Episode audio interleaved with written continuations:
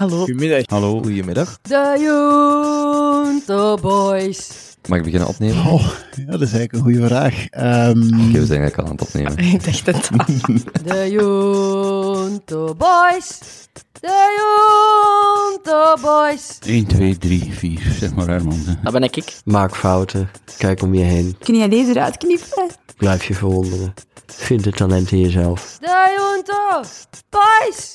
Woe. Oh ja, en luister naar de podcast van Koop. Vandaag met uw gastheer Koben. beginnen als te editen. Ja. We zijn, we zijn, we zijn eindelijk begonnen, maar... ehm, Kobe is stamshow. ehm, De Kobe is Stamshow. Als je wilt, dan verander ik het logo nog, hè. nee, de, de, luister, de luisteraars gaan dat niet weten, want dat wordt gewoon integraal gepubliceerd. Maar als dit een livestream was, die om 8 uur zou beginnen, dan hadden we wel een probleem. Mm, ja, dan hebben we wel een probleem toen. Ja, dan, dan zat is mijn, lastig geweest. Dan kreeg ik mijn bakje vol. Ja, kijk. En nu ook. Oké, oké. Eh, iedereen mic check? Iedereen oké? Zijn we al begonnen? Super. Als het lichtje brandt, dan... Is dit keer wel gin tonic Kobe? Eh, nee, het is gin tonic zonder gin. Misschien moeten we dat even gewoon aankondigen aan de luisteraar. Dat jij de ambitie hebt Nee, om... nee, nee, nee. Ik heb dat privé gezegd. Ah, Maar ik ga wel stoppen met drinken. oké, voilà, there we go. Oké. Ik heb eh The Easy Way van Alan Carr gelezen. En dus eh, we zien wel. Maar ik heb er nu al spijt van. Want ik wil donderdag met iemand een fles drinken. Dus als je de Kobe deze zomer ergens op een terrasje ziet zitten met een alcoholische consumptie in zijn handen, dan mogen we daar gewoon naartoe wandelen en dat, het is een pol kletsen. Of niet. Oké. ehm goedenavond iedereen. Het is van eh, de kerstspecial geleden dat wij met ons vijven samen zaten. Vandaag door een... eh, eh, ja, door een willekeurige toevalligheid. Staat, staat iedereen zijn koptelefoon zo goed? Ja. Ja, alright, alright. Eh, we hebben veel te vertellen vandaag, hè, van, ehm van eh druk verkeer aan Zwijndrecht tot 17 ton, tot... tot... eh Misschien moeten we binnen- beginnen met elkaar voor te stellen. Ga maar gewoon daarin komen. Je weet, hoe dat- je weet hoe dat de half uur voor de podcast en de half uur na de podcast door de meeste luisteraars echt als de heilige graal beschouwd wordt. Hè? Als dat zo eens een keer opgenomen zou kunnen worden. Ja, ja, ik weet, ik weet. Mm. Ja, als je denkt dat Benny on the record al legendarisch is. You haven't seen nothing yet. Wat is dit? Allee, jong.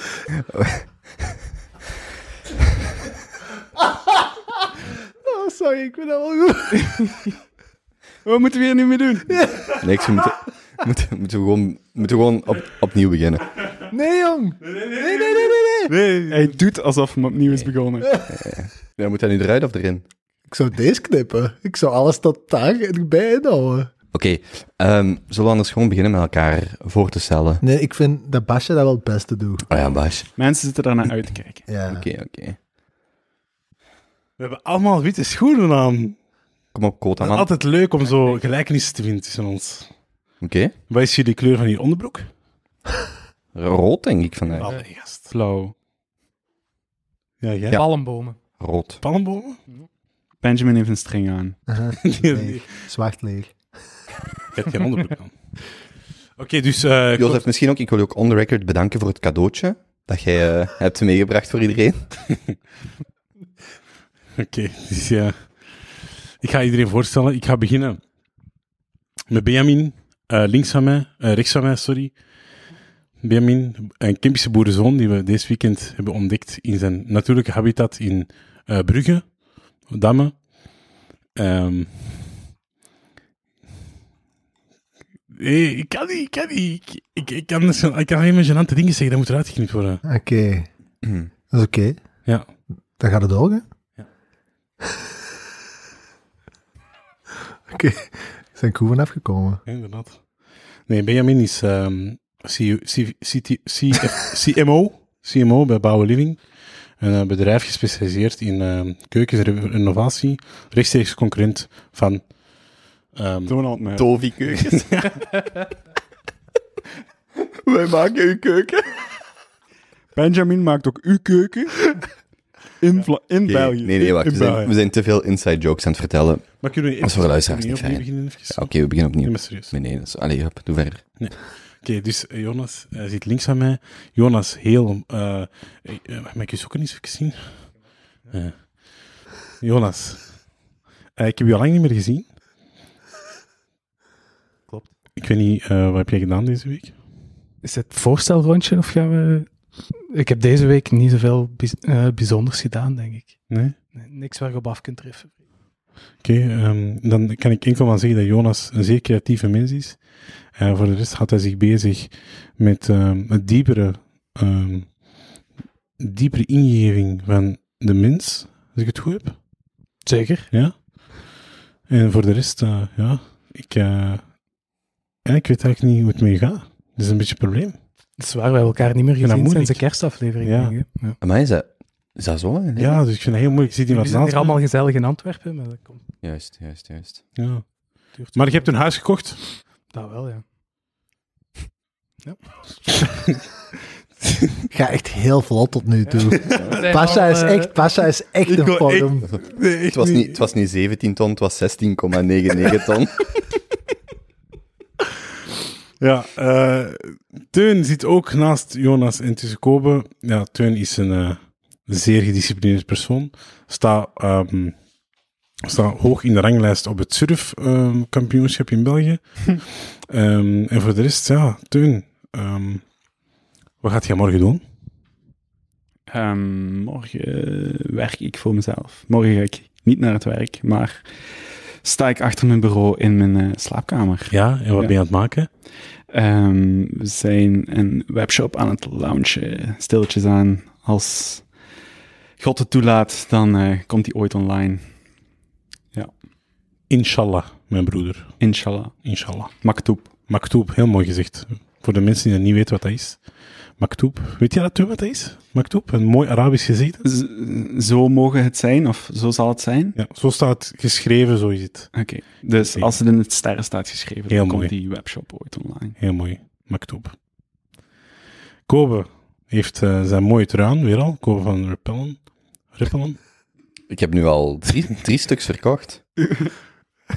Wij komen van Rapellen op. In ieder geval. Mhm. Kobe, ah, Kobe krijgt veel complimentjes, want hij heeft zijn haar geknipt. De dot is eraf. En eh, hij ziet er veel jonger uit. Veel mooier, veel frisser. Ja, nu zou ik ook meegeven. Ik kan niet echt. Oh, man. Het is, het is lang geleden precies, Ik hè? heb iets uit. Een be- beetje vastgeroest. Ja, Dat is oké. Dat is oké. Ja. Ja, moet je niet schamen. Misschien moet jij de Basha nog voorstellen. Eh Jozef Elbasha is eh, een maand geleden nog bij ons geweest. We hebben hem gemist. Ik kreeg misschien om Jozef samen te vatten in één anekdote. Ehm, een luisteraar zei: Kobe, ik, heb, eh, ik luister al lang trouw naar de, naar de Junto. En ik wist dat een, ehm, een fragmentje van Jozef over de, de, de X-Rated University in de kerstspecial ging komen. En ehm, ze zegt, ik heb eh 4,5 uur geluisterd om dan te horen dat het toch niet zou verteld worden. En ik denk dat dat wel een beetje in Jozef zijn karakter ligt, om zo een beetje te teasen, een beetje te edgen, en dan zo... Maar dan komt hij. Sorry, ik heb het over het verhaal. En eh, dan is dat wel echt de moeite. Dus eh Jozef, het is niet overpromise, underdeliver, maar er zit soms waar, wat tijd en ruimte tussen die twee momenten. Ja. Toch? Vandaag gaat het gebeuren. Echt waar. Amai. Dus ik ga het nu goed maken voor de slechte intro. Vandaag ga ik het hebben over. Ah, gaat je al meteen vertellen? Nee, Ze zo moeten eerst wel housekeeping doen. Ja, Oké, housekeeping. Let's go. Oké, wat moeten we zeggen? Ehm, denk één belangrijk ding voor de bospot. Ja. We zijn aan het concretiseren. Ehm, meer specifiek gaan we daar een, eh, een visueel aangenamere campagne aan gaan koppelen binnenkort. Maar om dat goed te kunnen doen, zijn we eigenlijk op zoek naar een locatie voor ons bos, voor de bospot. Dus we zijn eigenlijk op zoek naar een honderdtal vierkante meter in de regio Antwerpen liefst. Eh, het allerliefst nog binnen de ring, maar dat is misschien wel utopisch. Ehm, waar dat we ons eh, bos kunnen gaan planten. Hè. Dus we hebben nu al een dikke 10% van het totale bedrag verzameld. En als er iemand een leuke locatie weet, en dat mag op een schoolplein of op eh, een, een bedrijfsgebouw zijn, ergens gewoon waar dat er een honderdtal vierkante meters braak ligt, waar je van weet dat er de komende decennia liefst geen gebouwen gaan opgezet worden, Ehm je dat laten weten en dan gaan wij jullie eh, contacteren en eh, daarmee opzetten om dat zo snel mogelijk realiteit te laten worden. Weet je ook wel iets over die app? Over Sugi? Ja, dat is dus het deel waar we het visueel mee gaan maken. Maar we moeten eerst een locatie hebben en dan Ja. kunnen we het eenmaal op de app gaan zetten. Oké. Dus de Bospot komt op een platform waar dat het nog beter gaat gecommuniceerd worden, hoe dat er gaat uitzien, ehm, wat de specificaties gaan zijn enzovoort. Oké. Kunnen we dan... Het volgende is de... Is daarmee alles gezegd? Wat de bosbot betreft? Ja.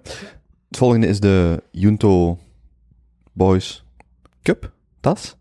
Mok? Yes. Five Boys One Cup. Ja. Ja, dat zou het ook kunnen zijn. Maar ik weet niet hoeveel luisteraars erop zitten te wachten. Strandkop.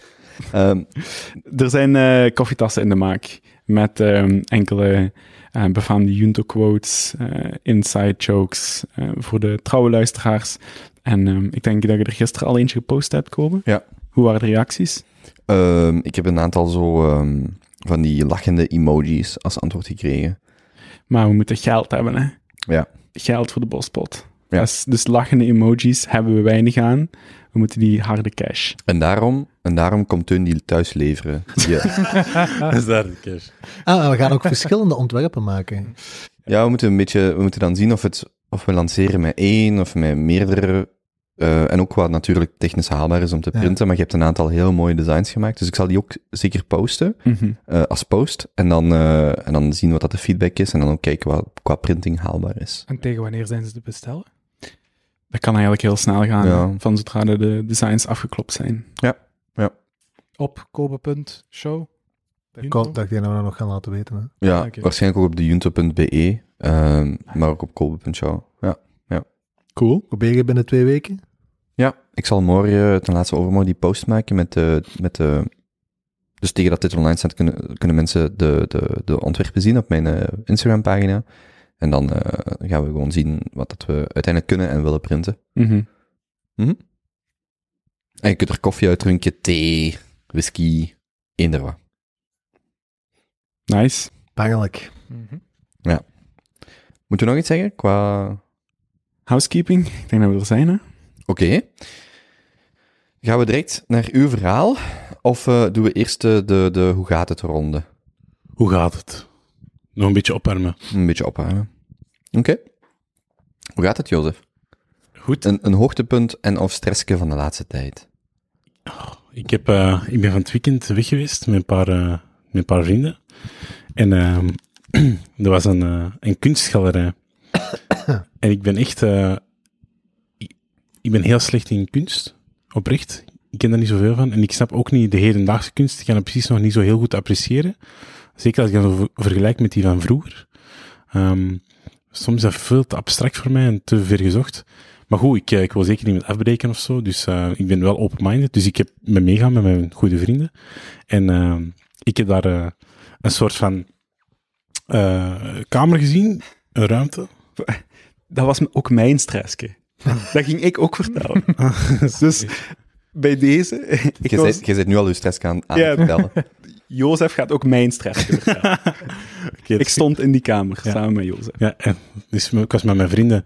ehm, en er was altijd zo iemand die ik minder leuk vond, mee, naar, mee op weekend.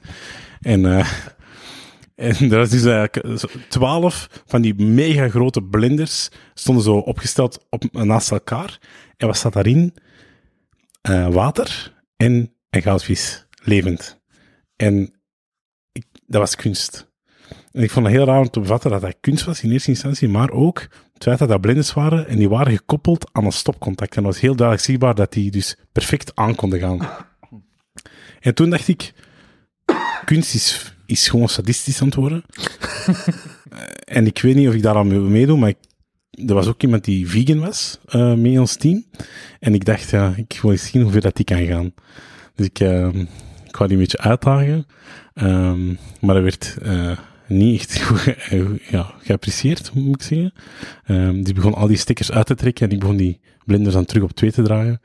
En ja, ik vond het een heel mooi moment eigenlijk. Ik heb toen gevoeld wat dat kunst met mij doet. Wow, maar wacht, Dat is heel diep. Heb jij niet die knop aangezet van de stekkerdoos waar die 12 blenders op ingestoken stonden? Ah nee, dat was jij niet. Dat was... De blenders, de blenders stonden op nul, Ja. allemaal. Maar dat had niemand echt door. hè. Nee, en dan heb ik die knop aangeduwd. En je zag er zo in zo... zo. Je zag echt menig persoon in Ja. die kamer half in zijn broek Maar ik had wel gecheckt dat die blenders op nul stonden. Maar dan, tegen dat de volgende binnenkwamen, hadden we die blenders op twee gezet. Ja, Hebben jullie die achtergelaten op twee? ik mocht niet. Ik mocht niet. Ik wou dat. Die zijn toen- toen, en toen- gezet. Omdat wij die dus op twee hadden gezet. En eigenlijk, je kon die met één knopje van de stekkerdoos allemaal aanzetten. Toen werd het uitgetrokken. Ja. De stekker. En dus, dat was mijn plezier. En ze hebben dat dus afgepakt van mij. Die stickerdoos en terug afgezet. En dat was mijn enige kans om kunstenaar te worden in mijn leven. En nu gaat er niks van komen. Maar ik was daar toevallig ook bij in die kamer. En eh, eh, ik vond dat wel echt frappant. Je wandelde daar binnen en daar ging zo direct echt een, een zware... Dat was zo, dat, iedereen had direct door wat dat, dat was. En dat was zo, dat, de, er hing echt een, een, een spanning in die kamer als je daar binnen wandelde. Ja, die- dat was eigenlijk- SM-kamer voor, voor, voor dieren. Ik vond dat een heel straf, eigenlijk, ja, een heel straf kunstwerk. Hm. Ja, dat was heel provocerend. Mhm. Heel mooi ook. Oké. Dus dat was mijn stress. En tevens ook die van Teun. Ja. Dat was mijn stress. Ja. Ik heb vandaag iets heel stoms gedaan. Eigenlijk ook banaal. Het is eigenlijk helemaal niet zo grappig, maar ik vond het wel heel ambetant. Dus ik ga buiten sporten. En ehm, ik was terug aan het touwtje springen. Ik kom binnen. Ik zet zo mijn eh, spaghetti sausje op. En dus mijn idee is, ik kom terug binnen, ik zet eten op en dan ga ik mee douchen en dan kan dat wat sudderen. Ik ben aan het maken, ik snij mijn, mijn gehakt, mijn groentjes en zo. En ik snij rode peper. Ik maak dat. Ik gooi dat allemaal erbij. En toen ik buiten was gaan sporten, maar ik was een zakdoek vergeten, moest ik nog zo mijn neus snuiten. Dus ik ben aan het koken en ik snij die rode peper en ik voel ineens dat mijn neus vol zit. Dus wat doe ik? Als een gast die in zijn eigen appartement is, ik steek een vinger in mijn neus, ik peuter in mijn neus. En ineens, dat begint, ja, dus heel hard ja, te pikken in mijn neus. Echt zo gelijk fix maal 10. Ik was mijn handen. Ondertussen is alles klaar. Mijn neus is zo aan het lopen. Ik ga in de douche en ik begin mijn haar te wassen en, en ook mijn ogen. En ik merk, dat duurt zo 10 seconden, tegen dat ik merk dat ik mijn handen eigenlijk niet zo goed gewassen heb. Dus ik sta daar al met een lopende neus. Die ogen beginnen ook te pikken. En tegen dat ik eigenlijk met mijn ogen, tegen dat dat begon te pikken, had ik al juist Gemasturbeerd. Nee. nee, maar wel, wel mijn piemel gewassen. Dus dat, begon, dus dat, was, echt, piemel. ja, dus dat was echt geen... geen ja, ja, dat was echt geen... eh, De piemel. ja, mijn penis. Ken je het niet? Het is gewoon grappig om je het woord piemel te horen zeggen. Junior. Maar, dus dat was, geen, dat was niet het beste uur uit mijn dag. Ja, zwart. Dat is wel een hennig stressje, hè?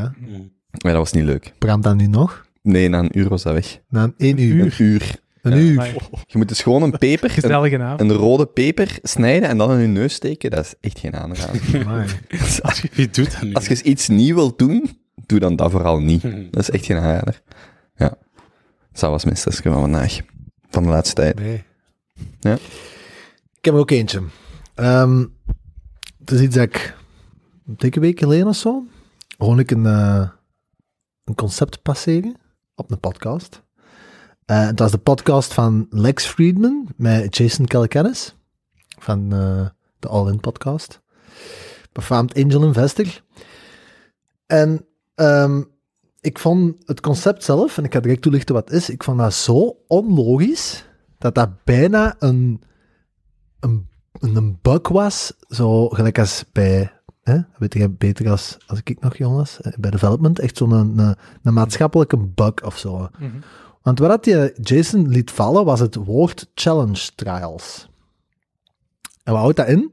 Dat is eigenlijk een concept waarbij dat ze eh, mensen voor medische trials bewust gaan besmetten met bepaalde virussen. Dus dat is al gebruikt bij het ontwikkelen van medicijnen of vaccins voor, de, voor griep, voor malaria, eh tyfus, knokkelkoorts en cholera. En nu, ga, eh, nu kunt u je afvragen, waarom is dat belangrijk? En dat is belangrijk omdat, als je nu naar kijkt naar de eh coronatrials zijn verlopen, dan doen ze medische testen en ze delen mensen in. En ze moeten eigenlijk wachten tot als die mensen besmet worden, wegens toeval, met corona. Maar dat duurt natuurlijk allemaal wel heel wat langer. En dat is een van de grote redenen waarom dat het een jaar heeft geduurd. En dat is nog altijd heel snel, maar waarom het een jaar heeft geduurd voordat die vaccins ontwikkeld zijn. Als de mensen gewoon zouden kunnen besmetten en die direct daarna zouden kunnen vaccineren, zou dat dus echt weken, zo niet maanden schelen in ontwikkeling van medicatie voor, ehm, of vaccins voor allemaal hond, allee, tientallen soorten van ziektes, maar dat is ook corona. Ehm, en dat is eigenlijk wel zot, want dat wil zeggen bijvoorbeeld dat als ze dat wel zouden doen, en eigenlijk is dat absurd, want ja, corona toedienen aan een 18 of 19-jarige, dat doet echt, ja, dat doet niks, hè. Allee, amper iets bij, bij dat soort van mensen, uh, bij die leeftijd van mensen. Ehm, maar als je bijvoorbeeld ervoor zou kunnen zorgen dat een vaccin maar één dag vroeger op de markt zou komen, dan krijg je gemiddeld eh 1500 levens per dag, of 135.000 levens elke drie maanden. En het ergste is eh, dat Amnesty International bijvoorbeeld onlangs, onlangs heeft ontdekt dat 9 van de 10 mensen in arme landen in 2021 niet gaan gevaccineerd worden, omdat alle vaccins gewoon zijn opgekocht door alle westerse landen. En dat is, dus- ik vond dat zo'n bizar concept. En die haalde het daar gewoon aan. En ik had daar nog nooit van gehoord.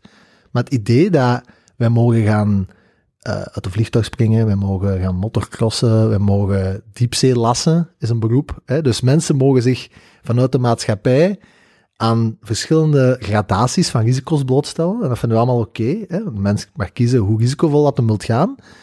Maar we, we mogen gewoon niet iemand besmetten met corona, zelfs niet als je ervoor zou betaald worden. En dat zou honderdduizenden levens hebben en nog altijd hebben, of nog altijd kunnen redden. Dat is toch super raar? Of ligt dat aan mij? Ik vind dat echt extreem bizar.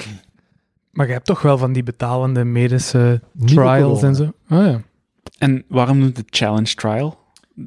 Om, ja, het idee is, je hebt alle klassieke vaccinontwikkeling gebeurd door, je pakt een groep van mensen, gelijk corona ook, die deze zijn gebeurd van op 15.000, denk dat de, de, de, de groep groter was voor deze vaccins. Die worden opgesplitst in twee groepen. Ene krijgt de placebo, double, double blind. Dus zowel de persoon die dat het toedient als de persoon die dat het krijgt, weet niet of dat het het effectieve vaccin is of niet. De andere 7500, ja, juist hetzelfde. Maar ja, een van de twee krijgt het wel, de andere niet. En dan gaan ze zien over een periode van maanden hoeveel van die mensen worden besmet. Maar ze mogen, die kunnen alleen besmet worden als ze het toevallig oplopen. Ze mogen die niet blootstellen aan corona. Dat is inderdaad, eh het druist in tegen de efficiëntie waar we gebruikelijk mee te maken hebben. En is dat echt alleen met corona of ook met andere? Ja, dat zal nog met andere ziektes zijn, maar het is niet, voor corona mag het bijvoorbeeld niet. En er is dus een, ehm, er is een organisatie dat ik net gisteren heb gevonden, terwijl ik daar nog over aan het opzoeken was. Noemt One Day Sooner. Ehm, en daar kunnen dus uw eigen gaan aangeven en ook gaan doneren voor dat toch klaar te krijgen. Want dus elk tweede en derde wereldland gaat dit jaar niet gevaccineerd worden. Hè? Heel Afrika, geen vaccins. Hè? Puur omdat, ja, dat is gepatenteerd. Er is een beperkte productie van die grote hè, Johnson Johnson en noem maar op, die hebben een beperkte productie. Dus ze moeten eigenlijk zien dat die vaccins zo snel mogelijk aan white label toestanden komen, of dat er gewoon nog meer op de markt komen. Maar dat is allemaal beperkt, omdat die moeten allemaal door diezelfde medische trials. En die medische trials duren allemaal zo lang, omdat je mensen natuurlijk moet gaan blootstellen aan corona. Maar nu zijn die toch allemaal door die medische trials? Ja, maar dat moet per vaccin gebeuren. En als een vaccin is goedgekeurd, is dat van ene producent. En zijn productie is beperkt, want hij heeft maar x aantal fabrieken. En alles wordt opgekocht door de eerste wereld. Maar er is toch overproductie, er is toch te veel aan het komen? Ja, Er zijn toch te veel vaccins? Nu nog niet. En waar is te veel? Er gaan genoeg zijn voor Amerika en Europa. Maar er zijn 8 miljard mensen. Hè? Ze gaan geen 8 miljard vaccins produceren dit jaar. Hè? En dan is de vraag nog, kunnen die derde wereldlanden dat betalen? Dus ze moeten eigenlijk zo snel mogelijk, zoveel mogelijk concurrentie krijgen op die markt. En de enige manier om dat te doen, is door meer trials te doen. Maar de trials duren lang, omdat ze mensen niet mogen blootstellen aan corona. Jezus. En hoeveel moeten ze u betalen om u te laten blootstellen aan corona? Stel, Mij? Ja, stel dat ze u vragen, Benjamin, hebben u nodig. De wereld heeft u nodig voor deze medische trial. Goeie vraag. Goeie vraag. Hoeveel aandelen moet ze geven? Van welk bedrijf? Hmm. Hmm. Ehm, Het is niet zonder gevaar, hè? Nee, zeker niet. 10 Maar euro. we zijn ook al, we zijn ook al, allee, ook al, we zijn al 30 jaar. Hè? Ik ga Jij zijt al 30. Ja, Kobe. Ehm, en, eh, deze week is een stagiair bij ons begonnen. Gastje is 22 jaar. Die dropte gisteren, ja, ik heb in maart corona gehad. Niks van gemerkt. Vijf maten van mij ook. Ja, we hebben keiveel antilichamen gemaakt. We hebben dat gewoon niet gevoeld. Dus allee, ik denk dat daar al verschil op is. Ehm, maar ja, allee, en ook als je Dus- het echt nodig hebt. Kunnen we er een prijs op plakken? Hoeveel heb je nodig? Voor mij. Ja. Maar dat, dat is heel persoonlijk gebonden. Maar je weet toch dat er sowieso... Maar plakt er Ja, nu een prijs op? Tussen 0 en... We kunnen ook in bitcoin betalen. Ik kan, die kan er rond blijven lullen.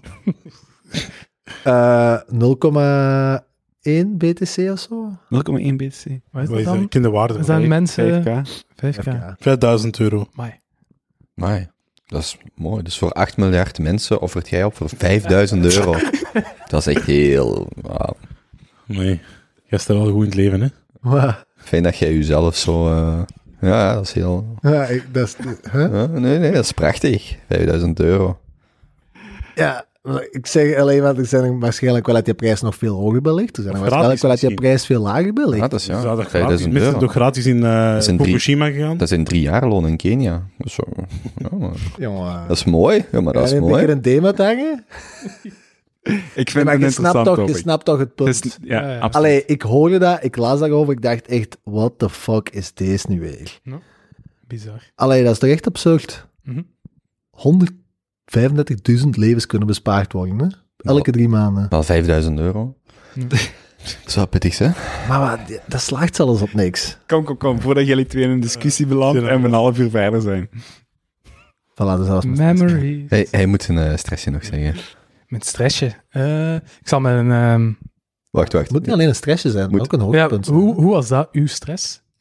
Ik hoorde dat en ik vond dat zoiets onlogisch dat ik mijn eigen uitdrukking heb gemaakt. Hmm. Dat Echt kan, woedend gewoon. hem. Op, Neem het van mij aan, dat kan hem.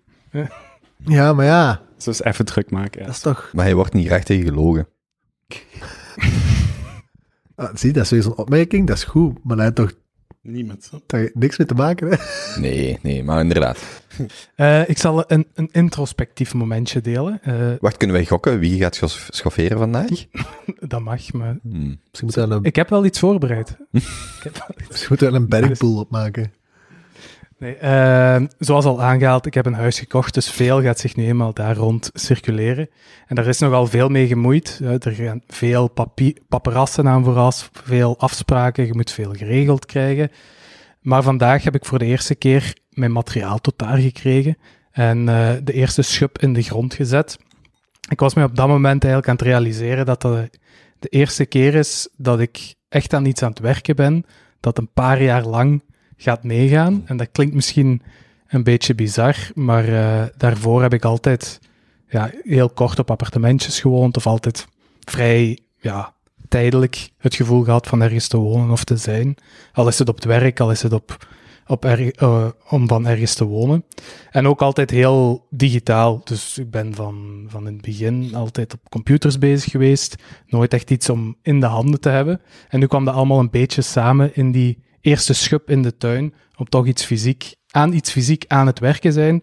Waarvan ik weet dat ik daar binnen, ho- eh, hopelijk binnen een paar jaar nog mee bezig ben. Dat was een klein, klein hoogtepuntje vandaag. En Met een schub in de grond. voel je dat ook effectief? Eh, ja, toen ik daar wegging wel. Toen eens mijn schub was afgekuist en het werk was gedaan, dacht ik, ah ja, amai, dat is wel fijn. Oké. Voilà. Jonas, als ehm, productdesigner, die vaak met fysieke producten te maken heeft, Ja. het verschuiven van een pixel of het verschuiven van, een baksteen Oh, is een heel groot verschil. Mooi samengevat. Dat is echt bizar dat ik zo jaren bezig ben geweest op een computer, maar je ziet gewoon de impact niet op de wereld van wat je doet. Het zijn allemaal maar gewoon nummertjes, schermpjes, en je verplaatst van ja, schermpje naar schermpje en dat doet eigenlijk niks. En dan verplaatst je ene betonblok en je hebt... eh, Ik hoor dat dat bij de productontwikkelaars bij ons op het bedrijf, dat dat heel voldoeninggevend is. Ik heb die ervaring natuurlijk niet, ik doe dat niet, maar Er is niemand die bij ons langste werkt. Die heeft eh, een heel project in Rotterdam helemaal ingetekend. Dus alle SAMs erin zitten. Hm. Die is daar... Die hele, die, eh, hele ontwerpfase heeft een jaar geduurd. Hè? En nu zijn we effectief aan het uitvoeren. En die komt elke dag echt Ja. van de werf met zo'n een glimlach tot achter zijn ogen. Zelfs al gaat daar... Allee, die heeft echt wel zijn handen vol. En daar gaat natuurlijk nog wel wat fout. Maar die heeft echt... Dat is zo voldoeninggevend. Dat is echt zot. Je ziet gewoon wat ermee er, getekend op zijn laptop. Dat staat daar. Die is echt, Hm. dat is echt zot, zijn. Ja. Dat is ook waarom dat eh, tuinieren voor heel veel mensen psychologisch heel, eh, een heel aangename activiteit is. Ja, Omdat je ook iets ziet groeien, je moet daarvoor zorgen met de seizoenen en zo. Ja. Dat is zo weg uit je eigen wereld. Ik heb ooit gehoord dat ex-CEO's daar extreem veel voldoening van krijgen. Want die zijn Mm. heel hun leven bezig geweest met te moeten trekken en sleuren en corrigeren om dingen te laten vooruit te gaan. En dan steken die gewoon niet in de grond, gaan die achteruit zitten en zien die daar groeien. Hmm. ik heb ooit een ex-CEO horen zeggen van, mannen, dat is niet normaal. En dan kijk ik echt... Ja. Nice. Jozef, Ja. voelt je het? Ik voel de vibe. Ik voel het borrelen. Is het tijd voor... ehm, pound.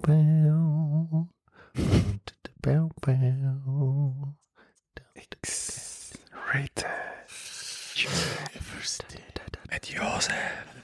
Hm. Bachmeister. Mm. Er gaan weer een paar luisteraars heel lekker op gaan. Oké, dus ten moet snij beginnen dat kleden nu, of wat? Ik heb Ah, deur is nodig. Dat is goed. Teun. Ik heb u nodig. Pak vast. Oei. Ah, dit waren die cadeautjes die je hebt Ja, gekocht. die de cadeautjes. wat? Slaag er eens tegen de microfoon. Pak dat eens vast. Doe dat eens. Wat gaan wij hier niet krijgen, joh? Ik ga daar ook een foto mee posten. microfoon. Kom, ik vind dat je dit even ook moet omschrijven. Maar heel zeem, zeem, zweemzoet. Wat, Er, er wordt op dit moment tegen de microfoon geslagen met een, eh, een flashlight. Met een, ehm, met een rubberen flashlight die eh, comfortabel in Teun zijn hand ligt. Dit is niet... dit is... Oh, Jesus. Oké. Dit is, dit, dit is een flashlight. Er zijn meerdere flashlights in de wereld, maar deze is de mijne. Ja. Alsjeblieft, Kobe. Ja, nee, ik bedoelde dat voor u eigenlijk. Maar dus, dat is een flashlight en die heeft eh, twee kanten. Een eh, kindermondje met... eh Geen echt waar. ik Stop de opname nu. Jongen, jongen, dat is toch? Jongen, doe normaal. Maar wat heb jij gekocht? Ik heb dat niet gekocht, hè? En dan een, eh, ja, een volwassene vagina. Hier, beschrijf jij het maar.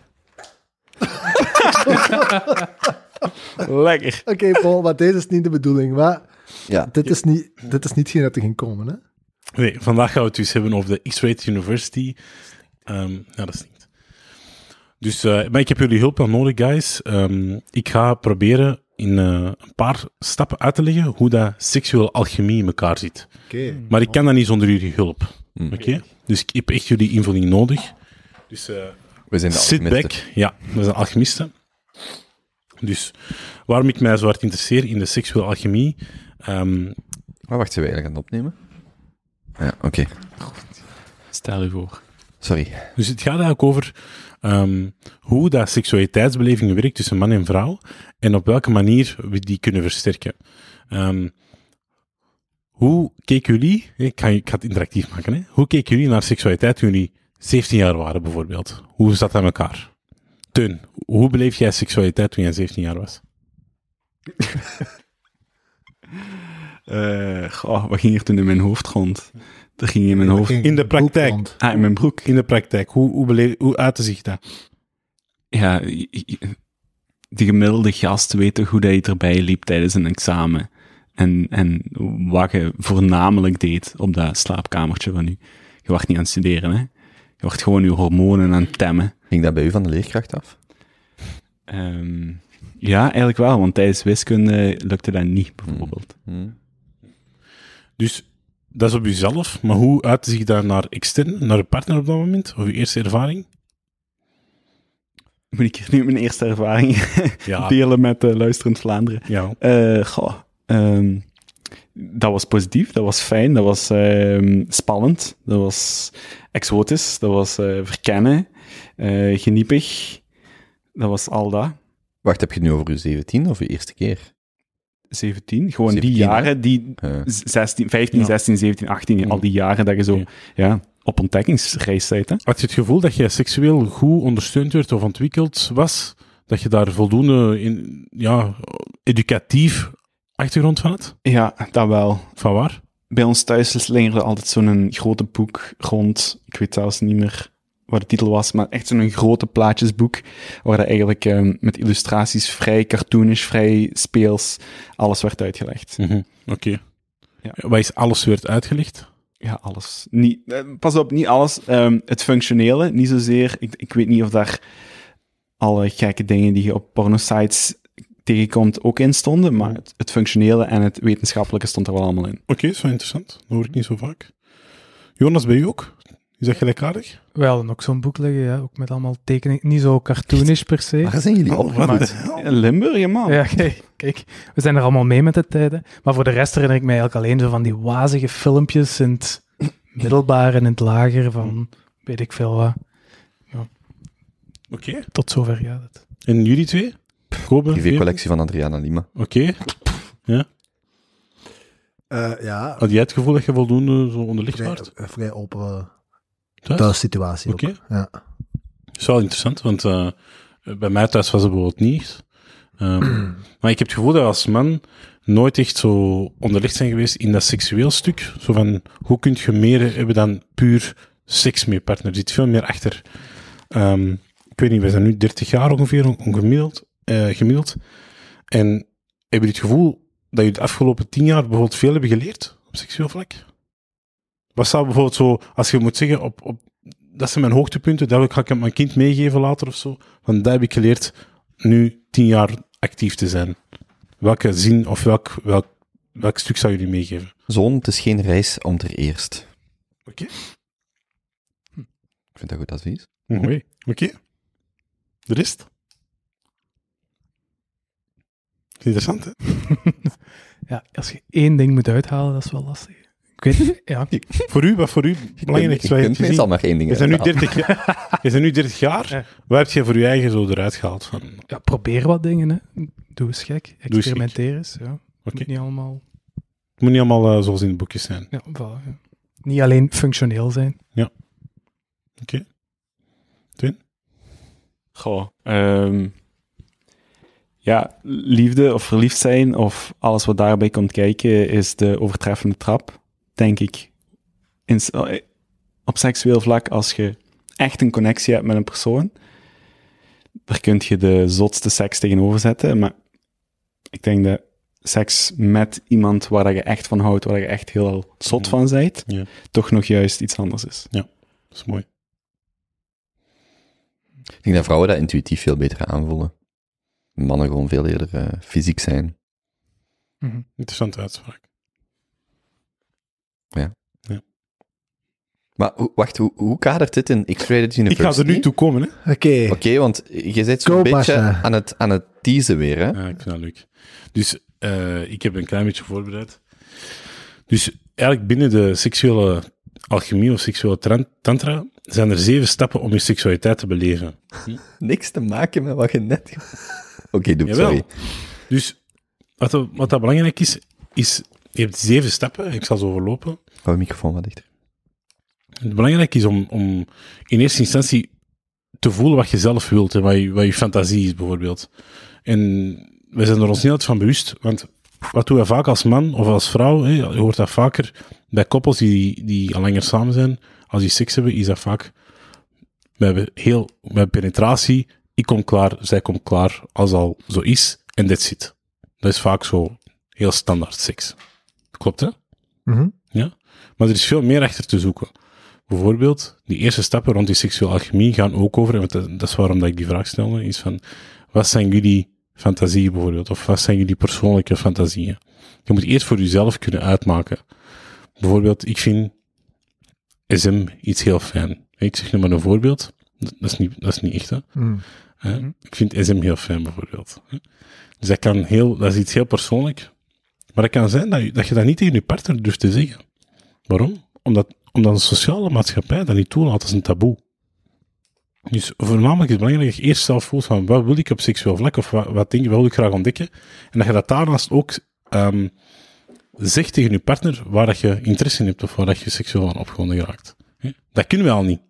Dat is al heel moeilijk voor de meeste mensen. Dat is stap 1. Je fantasieën delen met elkaar, je fantasieën volgen. Dat is stap 1 van de 7. Stap 1 van de 7. Dat is de makkelijkste stap van de 7? Nee, dat is een van de moeilijkste stappen. Want Oké. wat de meeste mensen doen is stap 4. Seks en klaarkomen, that's it. Dat, dat is stap 4. Dat is stap 4. Oké. Nee, De meeste mensen blijven zitten op, ehm, op stap 4 en geraken eigenlijk maar tot stap 4. Dat is, dat is het boeiende eraan. Dus je eigen fantasie eerst ontdekken en dat delen met je partner, dat is het eerste dat je gaat doen. Dat je zegt van, oh, ik wil dat eens ontdekken, of ik vind dat fijn, eh, massage, of ik weet niet, er zijn zoveel mogelijkheden. Gewoon dat al deel met je partner, want niemand durft gewoon nog maar te communiceren over seks. Dat is al vaak een taboe. Dat moet heel basic en mainstream zijn, want anders zit je misschien wel raar of zo. Daar begint dat mee. Het tweede is eigenlijk dat je de set gaat creëren waar je je goed bij voelt. Bijvoorbeeld, ehm, seks is meer dan gewoon enkel in dat bed. Dat is, waarom lach je? Nee, nee, ik vind je bent goed bezig. Dat is mooi. Seks is meer dan enkel in dat bed zitten. Dat is ook ehm, de juiste setting creëren. Goede muziek. Kaarsje opzetten. Wat nog? Wat zijn we- wat is er nog goed voor de setting te creëren? Rookmachine. Rookmachine erbij. Pitch minder licht. Ja. Wat nog? U eens een keer douchen. Ja. Hey, maar wat Theo zegt is waar, hè? Maar Hoe- iedereen zich toch voor zijn Nee, nee, nee. Als je de kans hebt. Nee, nee. Dus ook proper zijn is heel belangrijk. Ja, maar dat doe je toch altijd? Samen douchen bijvoorbeeld. Huh? Dat doe je toch altijd? Je doucht je toch voordat je... Oké. Sommige mensen douchen niet eens van hun eigen, laat staan voor iemand anders. Oké. Dus goed. Dan, en dan komt het boeiende stuk, stap 3, voorspel. Hm? Eerlijk, volgens mij sukt meer dan de helft van de gasten die ik ken in voorspel. Ik hoor dat niet alleen van mijn vrienden, maar ik hoor dat ook van de vrouw waar ik mee spreek. Die nemen de tijd niet voor voorspel. Ik had er met Benjamin dit weekend over. Een vrouw werkt anders dan een man op dat vlak. Mijn mannen zijn heel directief. Hè. Ik wil dat heel fysiek daarin steken en aan haar orgasme werken. Maar een vrouw heeft veel meer tijd nodig om daartoe te komen. Die moet opgewarmd worden. In, eh, in het Taoïsme is daar een mooie vergelijking tussen. Ja. Mannen zijn vuur en vrouwen zijn water. Exact. Wacht, en wat. Omdat vuur doet je ineens aan, en water moet je rustig opwarmen? Mannen, eh, vuur is een heel harde, korte, of een, ja, een kortere ontbranding. Hm. Terwijl dat eh, voor water te laten branden of koken, en er meer energie nodig, maar op het moment dat het aan het koken is, kan het veel langer. Dat is Oké. mooi gezegd. Prachtig. Taoïsme, echt goede mensen. Kent er niemand die Rogi- Rogier Roeters? Wacht, wacht, laat hem... eh, Doe maar, doe maar. Het sluit er misschien mee aan. Rogier Roeters maakt dus van die tekeningsjes waar hem iets, iets opkrabbelt. En dat wordt dan verkocht tegenwoordig. Het is ook vrij populair op Instagram. Onlangs postte niet. Als jij, niet, als jij eens wat beter je best deed, moet je niet zo tuffen. Dat slaat er keigoed bij aan. Daarmee. Het was heel populair op Insta. Dus Jozef, hoe pakken we dat aan? Dus je moet als man, en dat vind ik belangrijk, ik wil dat meegeven aan iedereen die luistert, dat is het eerste dat je leert bij X-Ray University. Pak uw tijd als man. Ga niet direct voor de goal. Maar ja, maar zelfs dat... Mannen denken dat voorspel begint in de slaapkamer. Die denken van, ah, nu moet ik even vijf minuten dit, tien minuten dat, en dan kan ik. Maar voorspel voor vrouwen begint veel vroeger, hè. Dat is die intimiteit en die band dat je samen hebt. Voorspel kan al drie uur of drie dagen voordat je uiteindelijk seks hebt, of in de slaapkamer bent, beginnen. Ja. Dat is niet gewoon, ah ja, nu zijn we op dat bed, nu ga ik voorspel doen, want dan zit je weer typisch als een man aan het denken. Ja, exact. Dat is mooi gezegd. Maar ook puur fysiek heeft een vrouw 40 minuten, 45 minuten nodig om, bij gaan spreken, om warm te worden. Om dat te voelen. Terwijl bij een man kan dat heel snel gaan. Bij een man is dat gewoon, dat kunnen ineens warm staan. Maar een vrouw die heeft daar veel meer tijd voor nodig om ook zo, om in, ook in overdrive te kunnen gaan. Een vrouw kunnen dat niet zo heel snel.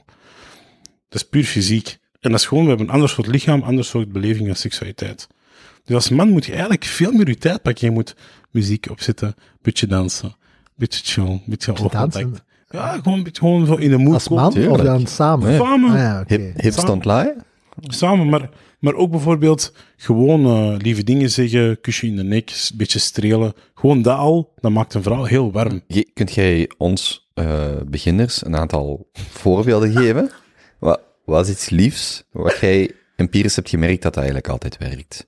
Strelen, streel, streeltjes werkt Strelen. heel goed. Maar strelen seksueel of strelen gewoon eigenlijk huid op huid? Ertussen. waar, waar, Teun, kom hier, kom. Teun, kom, Toon, ga naar daar. kom op mijn schoot, kom. waar tussen, Jozef? Kom op mijn schoot, kom. Maar goed dat jij in een bubbel zit, man. Dus kijk, ik heb u nu uw been vast.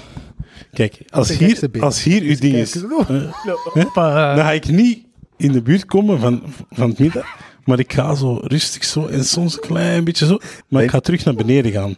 Snap je? Dus, Dus- eigenlijk dus valt dat niet Jozef op wat ik aan het hand- doen ben, maar heel subtiel. Maar, Snap je? maar, leg je, Maar leg je- voornamelijk ben ik hier bezig op de knie, maar ik ga nu terug. Ja, ja. Snap je? Teun weet het appreciëren, denk ik. voelt je iets? Ja, ja. Ik voel van Dus- alles. Snap je? Dus Hij bloeit helemaal open. begint gaat te koken. Het is prachtig om te zien Is dat, eigenlijk. is dat uw gsm die nu-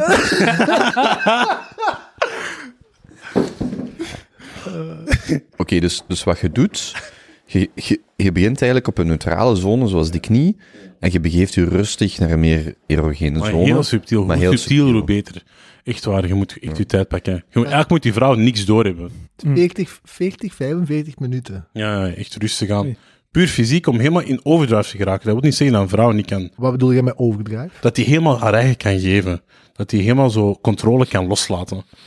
Daarvoor is dat heel moeilijk. Je kunt wel vrij ervoor, maar je kunt niet die controle loslaten. Dat is een groot verschil. Snap je wat ik daarmee wil zeggen? Mhm. Ja?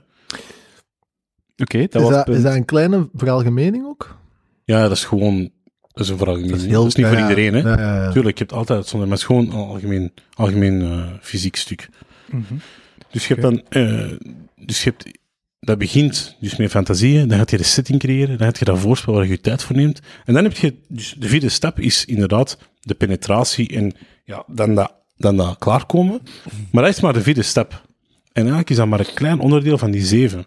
Dus je hebt inderdaad een intercourse en dan de orgasme dat erbij komt. Liefst ook allebei. Mannen vergeten dat soms wel eens. Hm? Jullie ook? Wat, hè?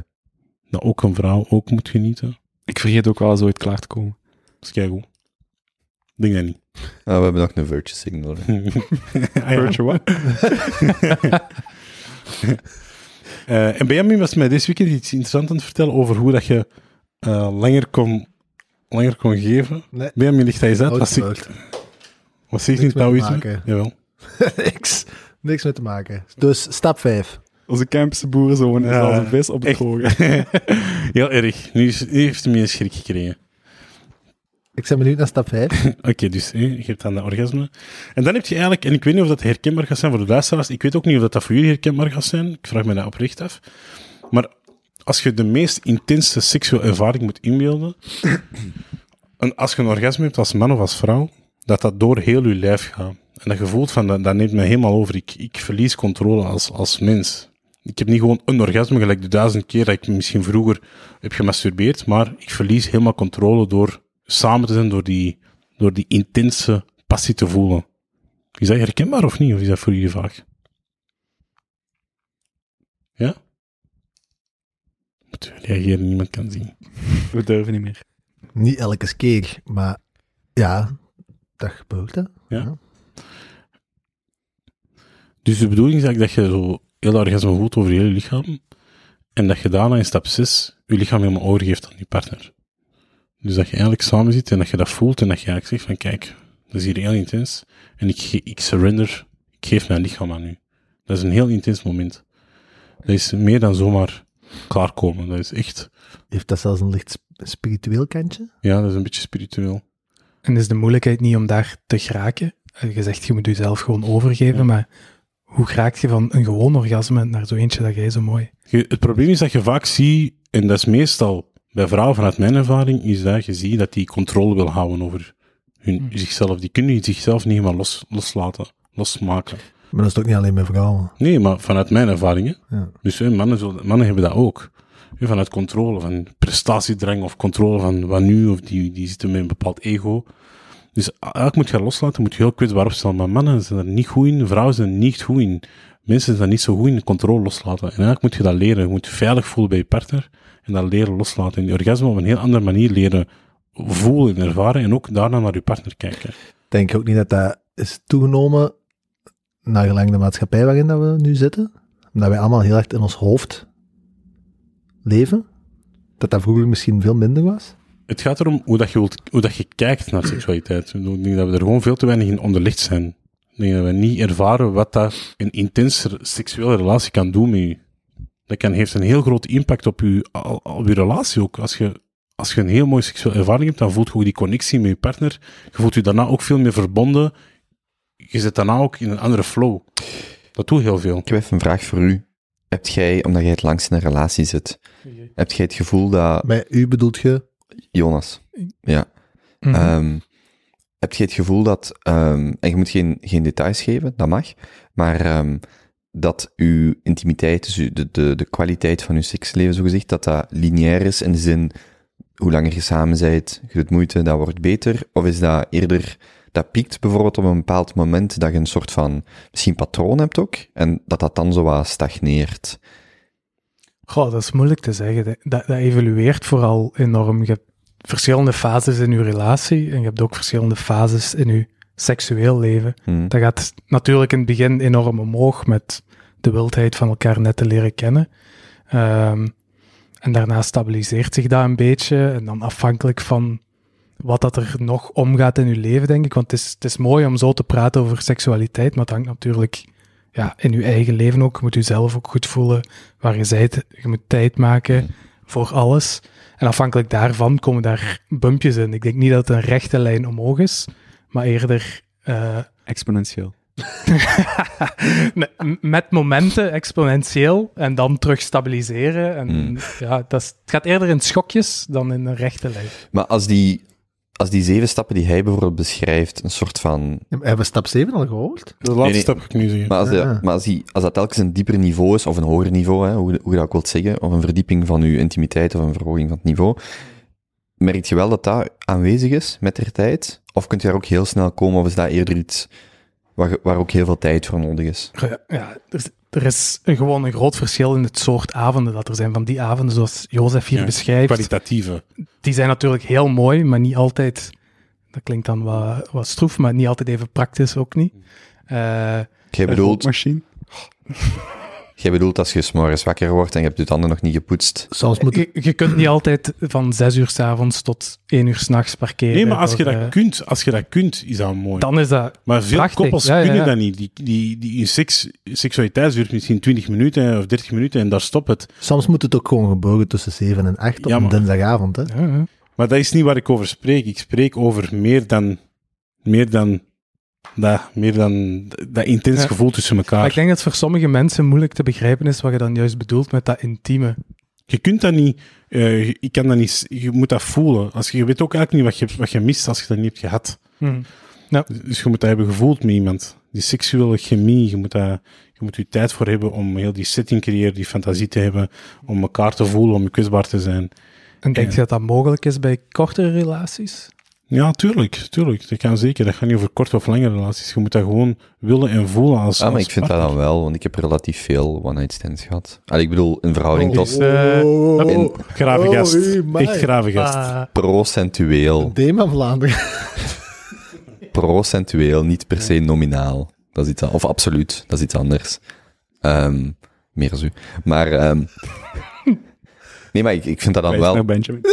achteraf wel jammer dat dat dan, dat gaat dan wel heel vaak puur over dat fysieke Ja. en niet, daar is weinig ruimte voor intimiteit. Of, of net wel, als, omdat je alle twee zo zot zijt, maar dat is zo, Ja. dat is nog steeds vrij oppervlakkig. Ja, Kun je niet helemaal kwetsbaar opstellen en die controle niet helemaal loslaten? Maar nee. Ga ook niet. Nee. Ik moet dat wel beamen. Allee, de eerste keer, in welke context, gaat het niet meestal dat soort van Ja. quasi-spirituele ervaringen Nee, tuurlijk. doorgaan. Hè? Maar dat is wel wat je wilt en waar je naartoe moet werken om binnen 100%. relatie... Maar niks Sowieso. moet, hè. Niks moet, hè. Nee, omdat je Maar- dat, als je dat niet mist, maar als je dat hebt gehad, dat gevoel, dat is zo intens, je, gaat dat, je wilt dat terug, je wilt dat ervaren.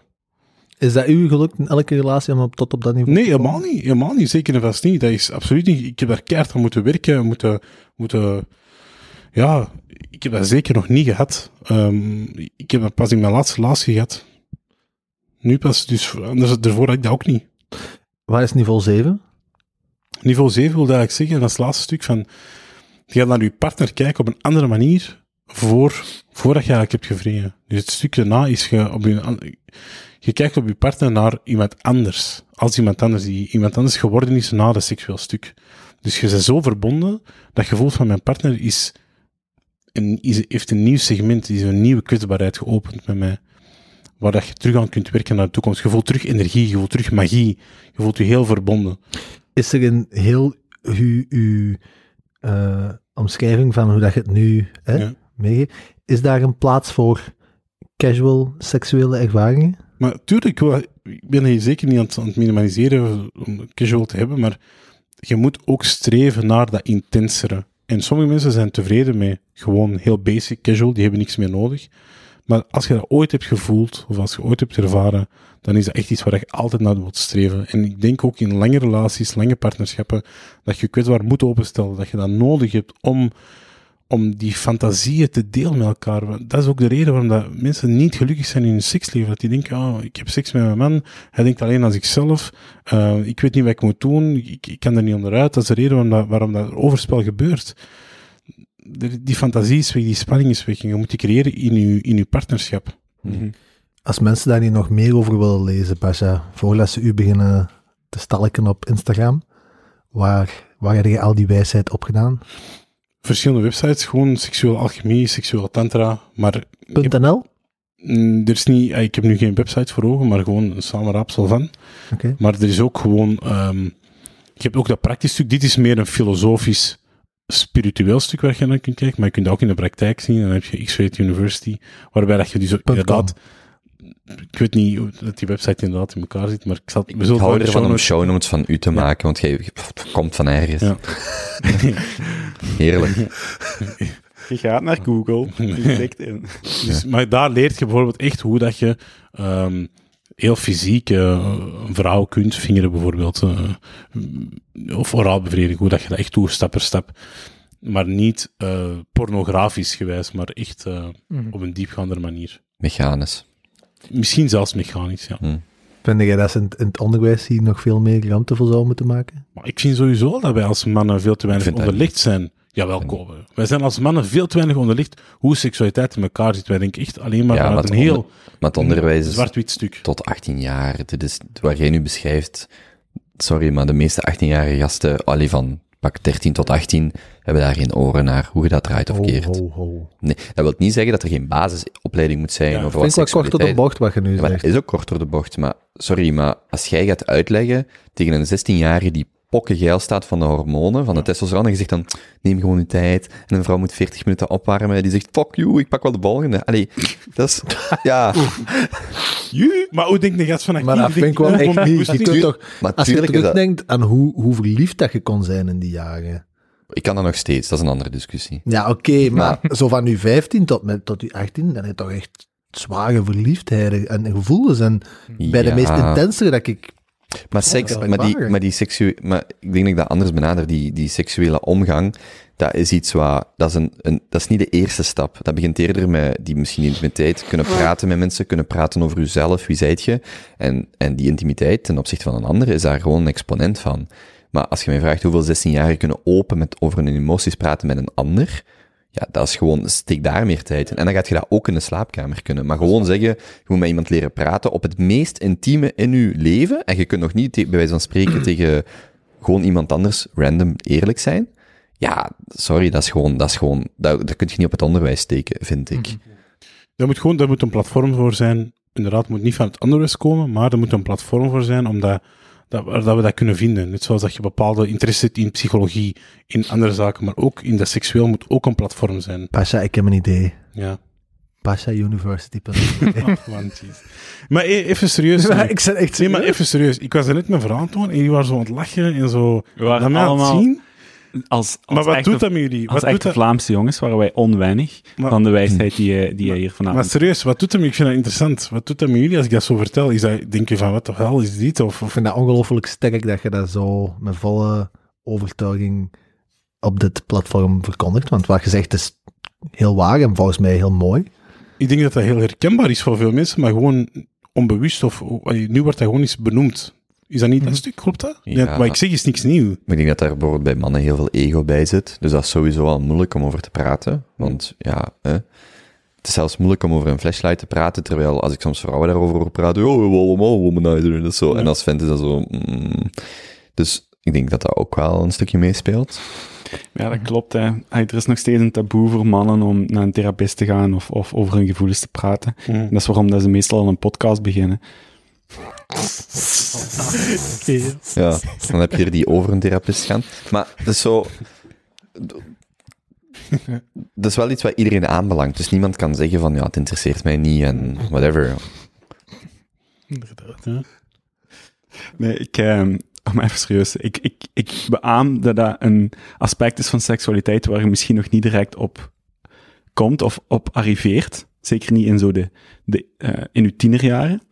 Ehm, maar dat dat zeker iets is wat uw relatie extra kracht en, en, en eh, energie kan, eh, kan, kan geven. Ja. Yes, Het absoluut. is, het is ook zoals jij zegt, veel mensen gaan gewoon tevreden zijn met hoe het is, of weten niet eens dat er nog een, volgende stap Hm. of meer is dan wat ze nu doen. Misschien bij deze hebt jij weer heel veel mensen geïnformeerd over wat er allemaal mogelijkheid is. Ja, om gewoon al te ontdekken. Gewoon, dat vrouwen zeggen, oh, ik wist niet dat mijn lichaam dat kon, bijvoorbeeld. Dat hoor ik echt vaak. En dat is, toch, dat is toch echt iets heel mooi. Dat is toch iets wat je als man echt wil meegeven aan, aan je partner. Van, ik kan iets mee doen dat jij nog niet wist. Ja, wat is dat dan bijvoorbeeld? Dat kan van alles zijn. Dat, is- dat, kan, het soort, dat kan het soort orgasme zijn gewoon dat je samen kunt hebben. Mhm. Wat zit jij weer zo te lachen? Goed. Bij deze. Ik vond wel bijvoorbeeld, ik vond dat wel mooi, want om, allee, om dat punt te onderstrepen, dan met naar die babbel van, van Michel Swat ging het een stukje hierover en iemand stuurde een gast van, maar ik heb dat geluisterd en ik ben nu met mijn vriendin over ons seksleven aan het praten, al dan niet of we een therapie, allee, of we er een professional bij pakken, Ehm, maar dat er gewoon al over praten al vaak heel veel doet om al een gesprek aan te gaan van, amai, dit is gewoon gestagneerd, of het gebeurt niet meer, of anders. En daar ook misschien hulp in te zoeken, gelijk dat bij andere dingen ook zou doen. En misschien nog veel meer op dat proactieve of preventieve inzetten dan zo, oh ja, shit, we zijn gewoon uit elkaar gegroeid en doei. Mhm. Oké. Het is wel cool, hè, als uw podcast dat teweeg, teweeg brengen. Maar ja, ja, want, ja, Je verandert echt iemand zijn leven. Of zijn relatie. En dus een leven, hè. Dat is mooi. hm. Het probleem is ook, we weten zo te veel van elkaar om volledig zo... Ik voel mij niet serieus genomen. Niemand neemt mij hier serieus. Kom, Al, maar we eh, gaan, nee, we gaan ons niet- nu niet in een doodlopend straatje praten. We gaan gewoon naar de vraag 2. Nee, maar dat maakt het wel moeilijker om zo... te- Ik vond bij Michel makkelijker om hierover te praten, omdat ik daar geen band mee heb, of niks van weet.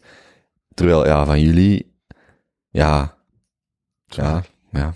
Ik moet wel, om het dan af te ronden, hè, als we dan inderdaad, ik denk dat het goed is dat we doorgaan naar de volgende vraag. Ik vind wel dat je het heel mooi hebt gebracht. Oprecht. Je merkt dat dat een onderwerp is waar dat je met passie over spreekt. En dat, dat straalt er vanaf. En eh, ja, mooi. Denk ik wel. Wilt jij er zelf nog iets aan toevoegen? Nee, ik wil graag van een keer nog eens doen. Wat, hè? Ik wil dat meer uitleggen, meer. Maar ik wil die input. Ik wil dat, ik wil dat zou- versterken. Ik wil mijn verhaal beter maken. Ik zou wel graag... Allee, als ik redeneer dat jij echt... allee, Als ik ehm, er a priori van uitga dat jij gewoon echt wel weet wat je doet in de slaapkamer. Hè? Zo misschien een top drie, ehm, toch dingen die zo de toolkit kunnen vervolledigen voor een man. En ehm, je moet daar zelf maar eens over nadenken, wat zo uw... Ik weet niet of dat dan ook effectief uw persoonlijke skills zijn, we moeten daar eens over nadenken. Wat zou zo elke man kunnen? Of moeten kunnen, of, of opzoeken. Uit Jozef zijn gereedschapskist. Ja, of die hij misschien zelf aan het opzoeken is. Of, of beter in wilt worden. Zoiets waar, waar misschien een man niet weet dat hij kan. Hmm, interessant. En ik denk ook wel echt dat er een gat in de markt is. Sorry, is Ben niet, ben niet met die flashlight aan het spelen. flashlight. Maar ligt hij toch niet daar? Ja, Kom, ik moet dat nog gebruiken. dat ligt toch al een uur. Ik denk dat er hier, wacht, pakken hè. Oh. Denk dat het ook wel echt de gaten in de markt is op bashauniversity.be. Ja. Gewoon jij opgenomen in, eh in, eh, in Kamer- filmpjes. Ik er Die uitlegt wat... eh, Weet je nog die campagne van die Gentse? Ik denk dat die Gilles Mailleu heet. Die had zo ehm, van die posters, van die roze posters met zo van die corona-postkaartjes en zo. Ik u ook. Zo, zo van die uitspraken die ze zo in Vlaanderen overal zijn gaan ophangen. En dat waren ook postkaartjes. Ergens tijdens de eerste lockdown, denk ik. In ieder geval, die Griet heeft nu zo een pagina opgezet eh, met, ehm eh, hoe heet dat, van die, eh, au- van die seks audioverhalen. Ik vind dat vreemd om daar in het Nederlands naar te luisteren, of ja, in het Vlaams. Maar dat begint dus ook wel hier te komen. En zo allerlei, zo, niet meditatie-apps of zo, maar zo die gesproken verhalen, dat begint echt wel populair te komen. En zij was de eerste die dat dan, denk ik, twee of drie weken geleden online heeft gezet. Ik zal dat in de show notes zetten. Maar ik ben vergeten hoe dat de naam is van de website. Maar ik denk wijkomen.be of zoiets. Zo leuk. Oké, Oké, kijk hoe. Merci, eh, luisteraars. Heel leuk. Oké. iedereen had notities. Dat was echt een... eh, Ja, ik had eigenlijk een, een, een, een citaatje gezien deze week, past er een beetje bij. Eh, I've got autopilot, but you can still ride it. Past er inderdaad goed bij. Ik vind die echt goed. Ik ga dat op mijn Tinder bio zetten. Alright. Niemand vindt dat grappig. Ik, ik was gewoon niet goed mee. Dus- I've got autopilot, Mhm. but you can still ride it. Mhm. Ja, anyway. Ehm, vraag 2. Heb je recent een noemenswaardig essayboek of podcast gelezen of gehoord dat je opmerkelijk of geschikt vindt om aan de junto te communiceren? Ingaande moraliteit, business, natuurkunde of andere delen van de algemene kennis? Ja, ik heb echt wel een, eh, een fijn onderwerp, maar dat gaat lang. Allee, dus doe jullie. Snij maar aan. Nee? Ha, ik, ehm, ik wou iets met, eh, met jullie bespreken. Ik heb de, ik ben haar naam... Ah nee, Marieke Lucas Rijneveld was... ehm, ik wil jullie mening eigenlijk weten. Marieke Lucas Rijneveld was eh, aangeduid als de vertaalster van Amanda, Gor Amanda Gorman's ehm, speech. Die heeft eh, bij de inauguratie van Joe Biden... Dat is een, een, eh, heeft hij een poëzie geschreven, dicht, die, eh, een dichtbundel. En die heeft daar ook iets voorgelezen. En dat zou vertaald worden door die Marieke. En er is in Nederland de laatste 1, 2 weken heel veel ophef rondgekomen dat een blanke vrouw het werk van een zwart meisje in dit geval zou vertalen. Of die, en, en dus die eh Marieke heeft dan, ik denk vorige week eind, eh, eind februari, eh, op Twitter eh, gezegd van, kijk, ik laat weten dat ik heb besloten om de opdracht, om de, de, de vertaalopdracht terug te geven. Ehm, en geschrokken door, het ophef, door de ophef, enzovoort enzoverder. Hoewel dat Amanda zelf ook wel tev- tevreden was of akkoord was met die keuze. En ik wou dat gewoon even ter sprake brengen. Heel casual. Ja. Maar van waar kwam dan die frustratie van de mensen die riepen om het te moeten stoppen? Ja, ik denk, ik denk, als ik er een interview van zeg, van de vrouw die dat zo gestart is, ik denk dat haar boosheid zat niet zozeer bij de competentie van Rijneveld of het gebrek aan competentie, maar ik denk dat haar argument was, waarom gaan we er al vanuit dat we een, dat er misschien geen zwarte competente vertaalsters zijn, of vertalers, waarom moet dat al direct een blank persoon zijn? Ik denk dat dat, dat was haar argument. Als ik het me goed herinner op een televisiefragmentje. Als, als ik één ding mag zeggen, blank, eh, kunnen we best niet zeggen, we zeggen best wit. Oké. Ja. En zwart? Ja. Oké. En van waar komt dat? Dat is een, eh, dat is eigenlijk een, heeft een neg- negatieve connotatie als, eh, ehm, ja, ik ken, ik ken de hele geschiedenis niet van, maar ik weet dat wij eh, meekrijgen vanuit onze opleiding ook om het woord blank niet te gebruiken. Ehm, dat dat Ja. blijkbaar ook nog eens iets van, ik weet niet, iets discriminerend heeft achter zich. Ik kan dat Mm. ook bevestigen. Ja. Dat je best zwart en wit zegt. Waarom gebruiken we dan niet Caucasiaans? Dat zijn toch de grote raciale termen? Caucasiaans, Sub-Saharisch en Oost-Aziatisch. Dat zijn de drie grote termen. Waarom gebruiken we dat niet? Want wij zijn alle twee Caucasiaans, Ja, maar ik ben dan wit en jij zit dan niet wit of zo. ja, dat is waar. Maar waarom gebruiken we niet gewoon Caucasiaans? Maar elke Marokkaan is Caucasiaans. Omdat niemand dat kan uitspreken. Caucasiaans. ja, dat, maar dat is toch?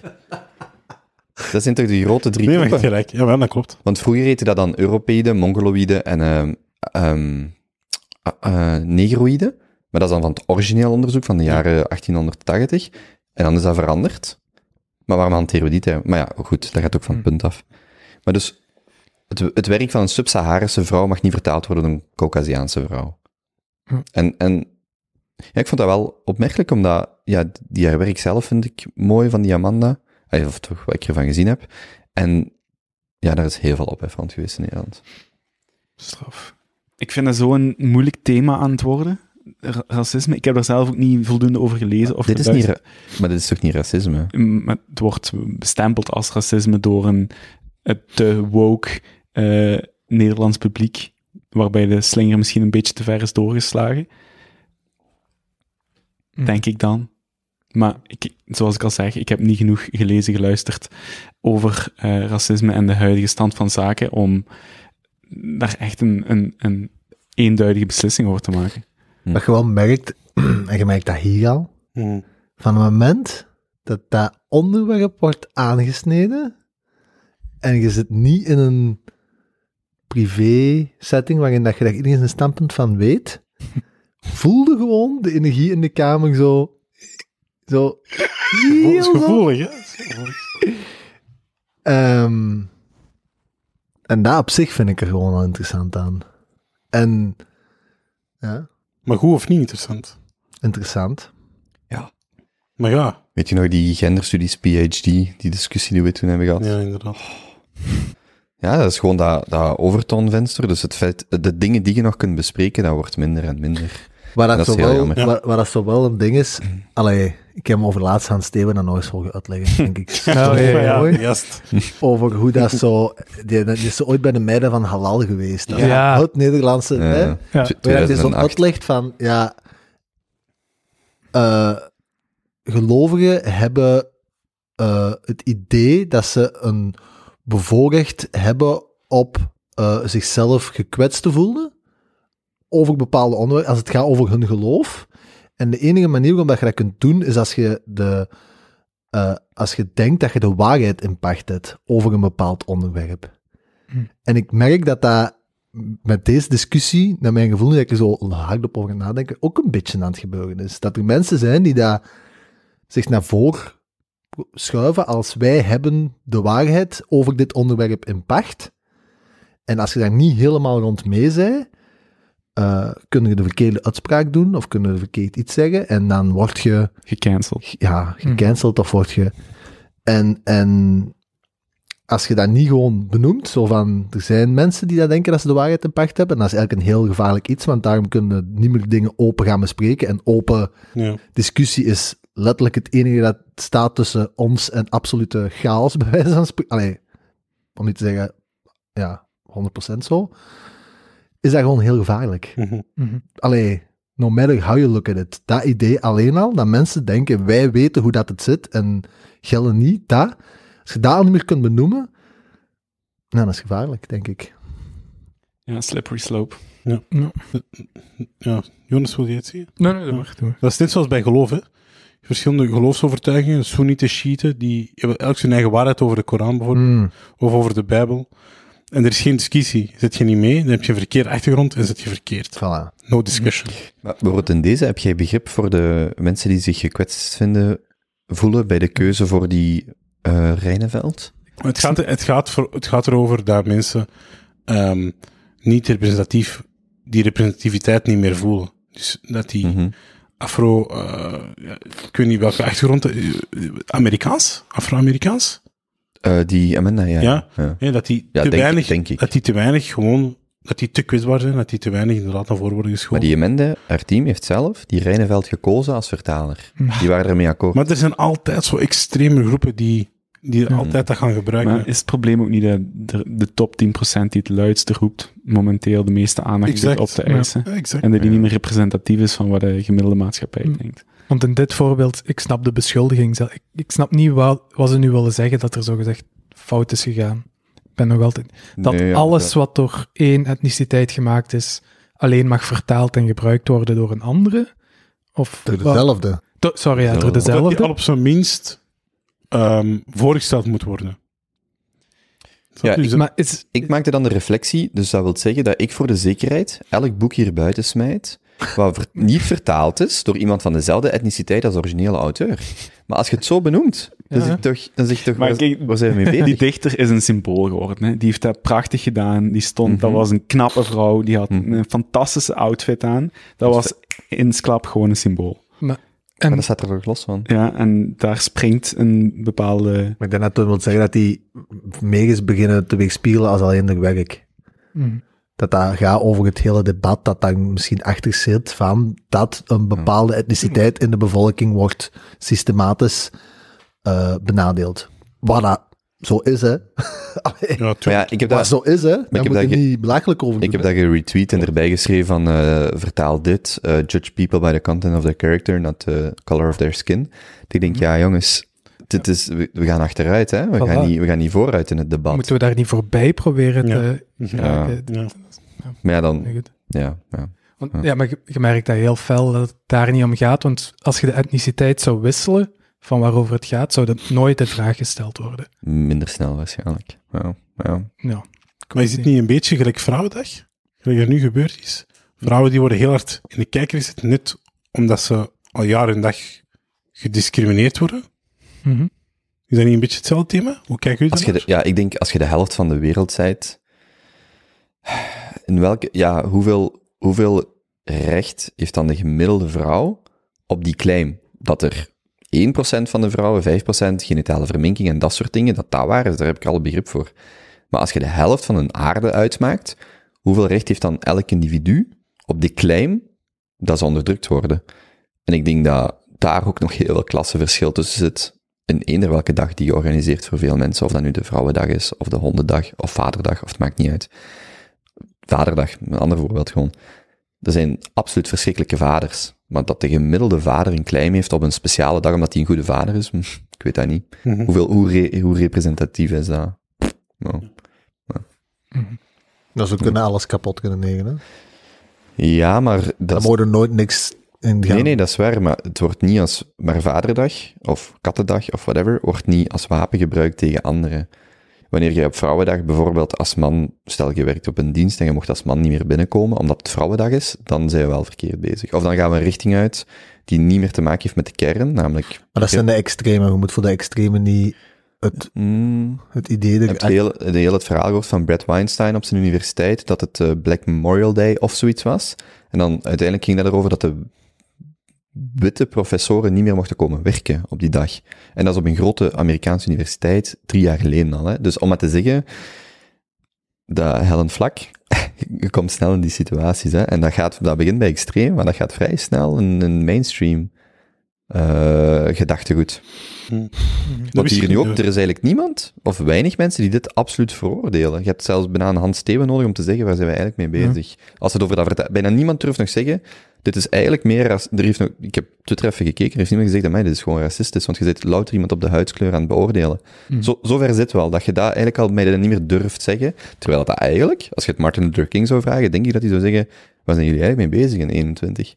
En het, het meeste wat dit doet, is de lijn trekken van wij zijn niet hetzelfde, maar verschillende, is gewoon nog harder doortrekken door dit soort dingen aan te halen en in, het, in de schijnwerpers te stellen. Ja. Kijk jij daarnaar, Bas? Ja. Ja, wat Jonas zegt, is exact wat ik denk. Ik, ben, ik hou van verbinding. En dit zorgt niet voor verbinding, maar voor verdeeldheid. Hmm. Er is al genoeg verdeeldheid. Eh, en dat bewijst eigenlijk nog maar hoe, hoe ver dat we van huis zijn. En hoe meer dat we nood hebben aan verbinders. Meer dan Mhm. aan mensen die, zoals ook Teun net zei, een klein onderdeel sch- schreeuwt en roept. En het zijn net die waar er alles van wordt opgepikt. Mhm. Dat is zo problematisch. En ik hoop, ik weet niet wat dat gegeven, ik ben echt niet sociologisch genoeg onderlegd, maar ben heel benieuwd wat dat gegeven in de komende 15 of 20 jaar, van hoe gaan wij nog meer polariseren tegen elkaar, of, of, of wij zij gaan worden. Ik ben heel benieuwd eigenlijk. Jij zit altijd welkom, Jozef. Ja. Ik ga je nooit op uw etniciteit afrekenen. Je hebt mij nodig voor subsidies, dat is iets helemaal anders. Hoe gaan we die bospot anders ooit vullen? Let's face it. Oké, dat, was, dat was mijn eh, ja, eh, verhaal of eh, thema. Oké. Ik heb er nog wel één, maar ik, zou het aan, ik zal het aan jullie eerst laten. Ik heb misschien een lichtere. Hmm. Want dat is een pittige. Nog iets van de Kempen, alsjeblieft. Ah, ik heb niks aan de camper wel niet. Ik ben al drie weken niet meer in de camper geweest. Volgend weekend, komend weekend ga ik naar de Oké, camper. dat is goed. Dan ga ik mijn, eh, mijn mijn innerlijke Kempenaar terug helemaal laten opladen. Ehm, ik heb ehm, niet afgelopen weekend, maar het weekend ervoor een documentaire gezien.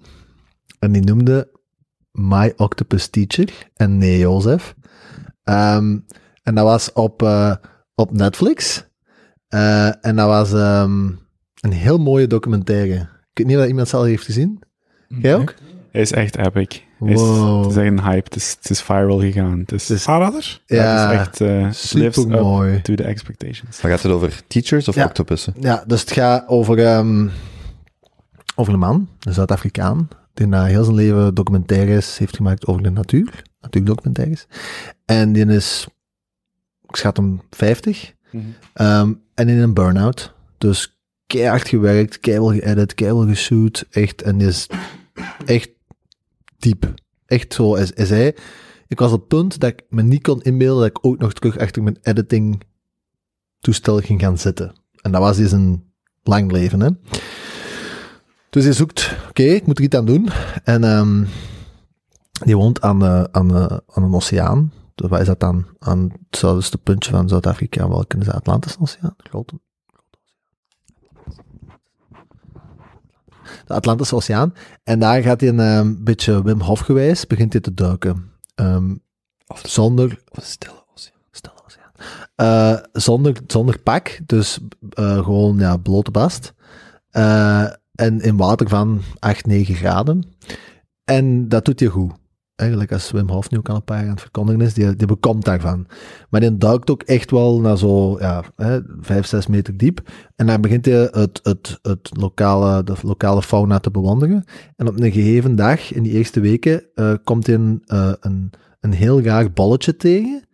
Ehm, echt zo'n een, een opeenstapeling van schelpjes. En die gaat daar wat dichter naartoe en dat valt uiteen en dat is een octopus. Octopussen hebben soms een reflex om zo met hun tentakels zo van alles rondom zich te doen. En dan wordt dat een heel rare constructie. Eh, Een beetje zo gelijk een egel, maar dan met schelpjes. Ehm, en hij had dat gewoon nog nooit gezien en die was er zo verbaasd van, wat de hel was dat? En die volgt die octopus, ehm, totdat ze hem die eh zie waar hij woont. Het, ehm, en dan in de weken en maanden nadien gaat hij nog altijd terug naartoe, omdat hij zo gefascineerd was door dat beest en dat eerste, die eerste ontdekking, maar de, de dagen dat, dat hij daar terug naartoe gaat, begint hij gewoon te erkennen van, ah, dat is eigenlijk gewoon een keihard dier. En dat is ook zo. Hè. De wetenschap weet al een tijdje, octopussen zijn echt super raar. Die hebben dezelfde intelligentie als een border collie. Ehm, dus dat is ongeveer een driejarige mens. Ehm, die hun brein zit verspreid over elke tentakel. Ehm, Wel lekker. ja, ja. Maar In Galicië. in, de, in, de, in die documentaire zie je dus gewoon hoe dat die man eigenlijk zijn obsessie eh, in beeld brengt. Want hij is zelf een keer goede natuurfilmer.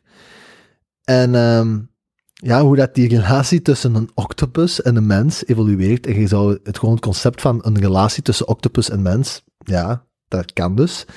En het is zo grillig dat op het einde van de documentaire heb ik echt een traantje moeten wegpinken. En dat gebeurt me echt niet veel. En de dame waarmee ik het heb gezien, die was gewoon echt alles aan het kapot janken.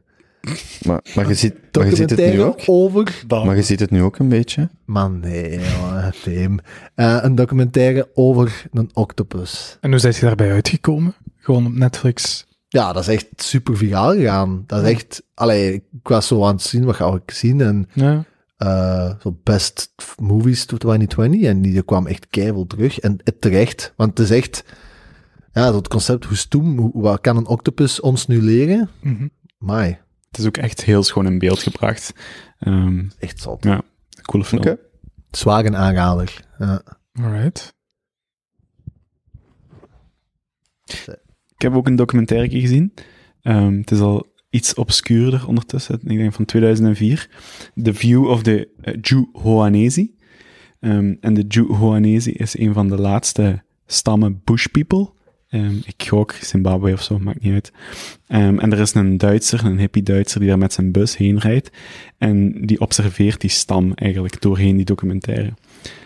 Maar je moet je echt voorstellen, mensen met zo nog een, een, een stok op hun piet en een, en een draad achter door een bilspleet, die effectief noten gaan zoeken of, of eh, dieren jagen als voedsel. En dus volledig afgezonderd leven van de westerse maatschappij, of enige ma- maatschappij. Ehm, en dan Staan die nog? nu zijn zulke stammen allemaal zo aan het afwateren en worden toeristische attracties, et cetera. Dus ehm, ja, ja, zo is het gewoon. Mm. Dus, Ja, spijtig. Jammer, maar eh, helaas. Dus ehm, eh, de regering daar beslist dat er geen eh, bushmeat of wild meat meer geschoten mag worden. En die mensen moeten overgaan naar toeristische attracties. en om zo dan graan aan te kopen of geld binnen te krijgen om daar graan mee aan te kopen of meel. En hij probeert eigenlijk die hun levensstijl nog last minute te coveren. En hij besluit om ehm, het moment waarop zij in aanraking komen met de full-fledged westerse maatschappij te documenteren. Dus wat doet hem? Hij pakt eerst al een heel groot deel van de stam gewoon eens op trip door Afrika. En ze bezoeken een eh, resort.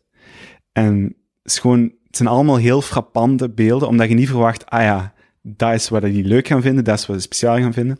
Ehm, zo is er bijvoorbeeld een moment, waarbij dat ze onder een berg moeten slapen, maar ze willen niet onder die berg slapen, want er liggen te veel stenen. Ze vinden die berg heel vreemd. Ze zijn het gewoon om in de vlakte te slapen. Dus zij gaan weg van de resort omdat dat onder een berg ligt. Ze zijn bang van die stenen die naar onder kunnen rollen.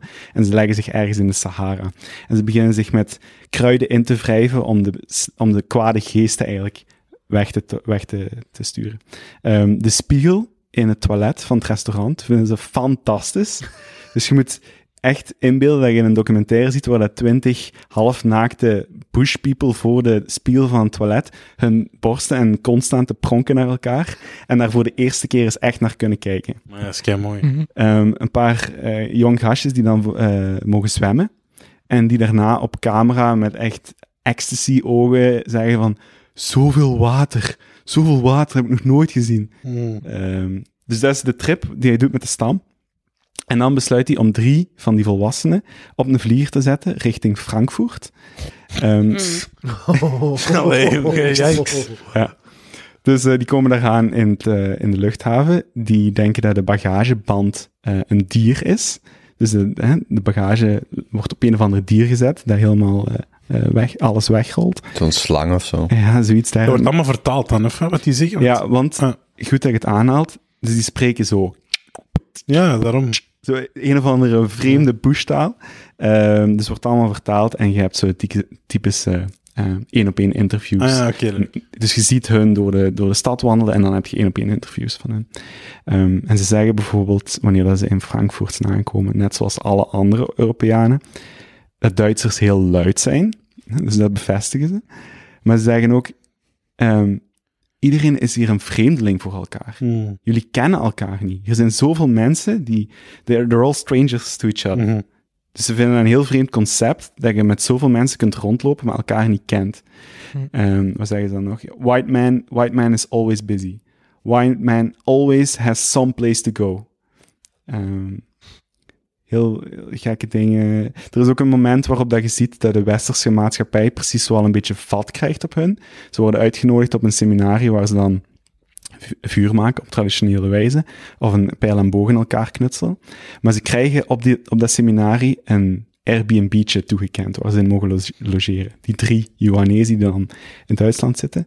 Een Airbnb'tje waar wij één ster zouden kunnen geven, echt zoiets, hè? does the job.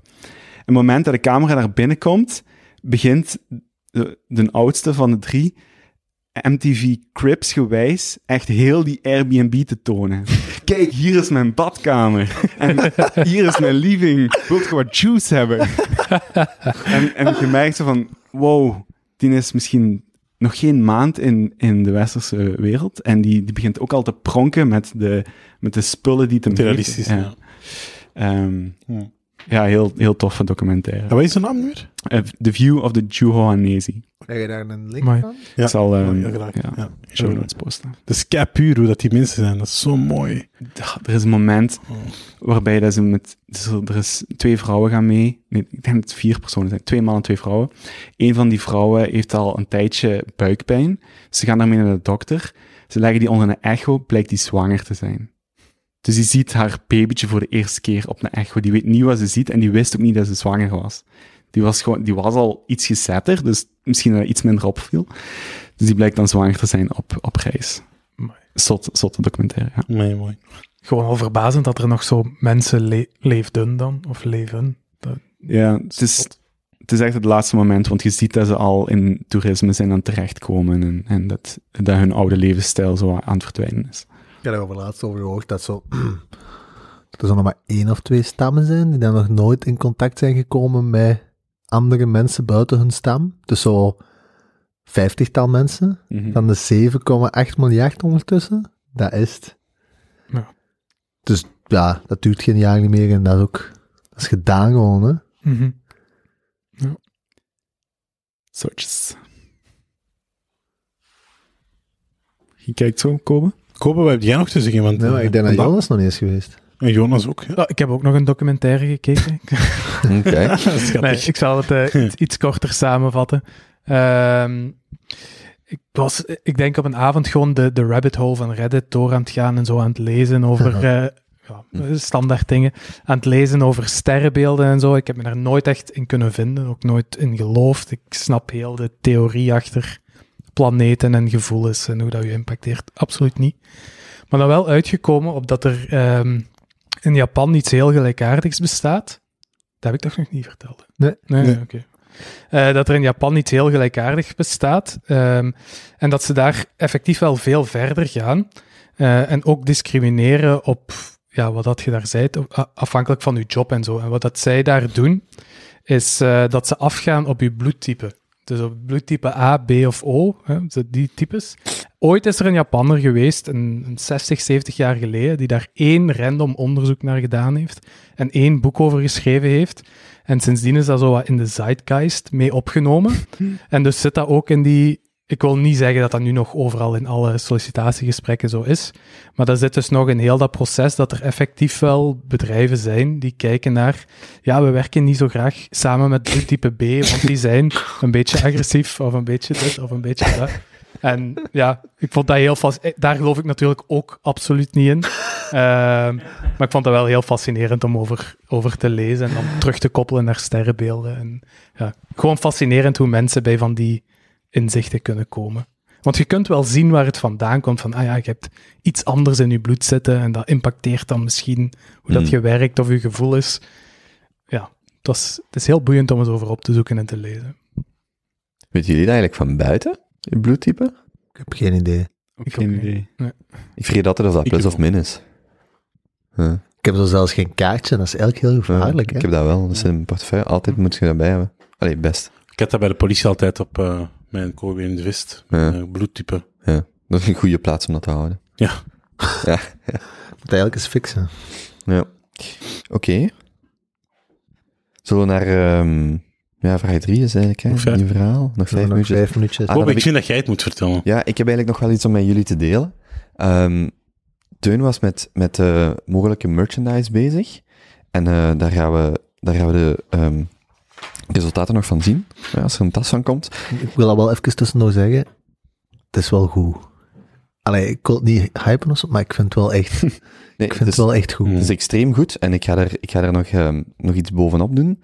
Ehm, ik heb eigenlijk ook al een beetje eh Junto Boys merch gemaakt. Ja. Maar ik ben... Het- weten dat nog niet? Of- Nee, jullie weten van niks.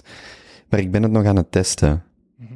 En, en eigenlijk op het einde, ik zal er morgen, ik zal dus bij de post van de aflevering, ik zal er een foto van de flashlight bij posten. en ook wat ik vandaag aan het testen ben, en ik kan het jullie tonen. Ik heb, eh, Ah, wel, dat was ik aan het zien, dat is een hè? ik was al heel aan het kijken. Ik dacht, Oh, ik dacht al, je kijkt naar mijn kous. dit is te heerlijk. ik heb, sok- ik heb sokjes gemaakt. Ik was al heel aan het zien. Ben, had jij nog niet door dat, dat jij dat bent Ik op heb die zokjes gemaakt. Met, eh, Allee, Bij hem in zijn foto op. Zot als een deugen. Doet hij eens dat? ik moet wel zeggen, dat zijn wel zweetzokjes, want dat is zo polyester. Je hebt sokken gemaakt met mijn kop op. Ja, Als, als je die tien keer was, dan is dat zweeteffect weg. ja, Houd die snel je hoofd. Wat azijn. wat azijn erbij. Kom jongen, kom voor de foto. Maar ik ben ze dus, ik ben ze dus nu al eh, een dag aan het draaien. En ze zitten wel heel aangenaam. Ja? Ja, ja, ja. Maar belangrijk, zijn ze te koop? Ehm, ja, we kunnen die zeker te koop zetten. En dan, eh, Pasha, stop yes. ermee, joh. en dan, en dan de, de bospot Voor de ermee. bospot is allemaal oké. Kijk, voor de bospot is dat oké. De, de sokken, mag ik, mag ik mijn sok terug? De sokken kosten... Dat is dat Waarom ding zeg je dat je... sok? Is sok. Mhm. Dat is dat ding dat je... De sokken, ik zal het zo zeggen. Sokken, sokken. De, de sokken kosten, ehm, kosten 20 euro per stuk, geloof ik. Dus als bijvoorbeeld iemand ze wil en we vragen er 25 euro voor of 30, dan kunnen we de overschot in de, in de bospot steken. Dus dat komt mee op de merchpagina van onze nieuwe website. Ja, en ik ben zo dus van... Zo sokken met mijn kop op. Ja, mooi hè? Hoe kom je daar zelfs bij? Dat is waarom ik die high-res foto van u eh, vroeg, van uw gezicht. En, en dat was grappig, want ik, dat is dan zo'n dienst, dus je stuurt die een foto door en zij knippen dan het hoofd eruit. En die vrouw stuurt ze terug. Ja, dat is wel echt een goede foto. Dat was een Nederlands bedrijf. Dat is wel echt een goede foto om een, om op een zak te posten. Dus ja, Maar hoe kom je daar zelfs bij? ja, ik was ook zo ergens aan het rondbrowsen ergens en dan zag ik zo eh, sokken.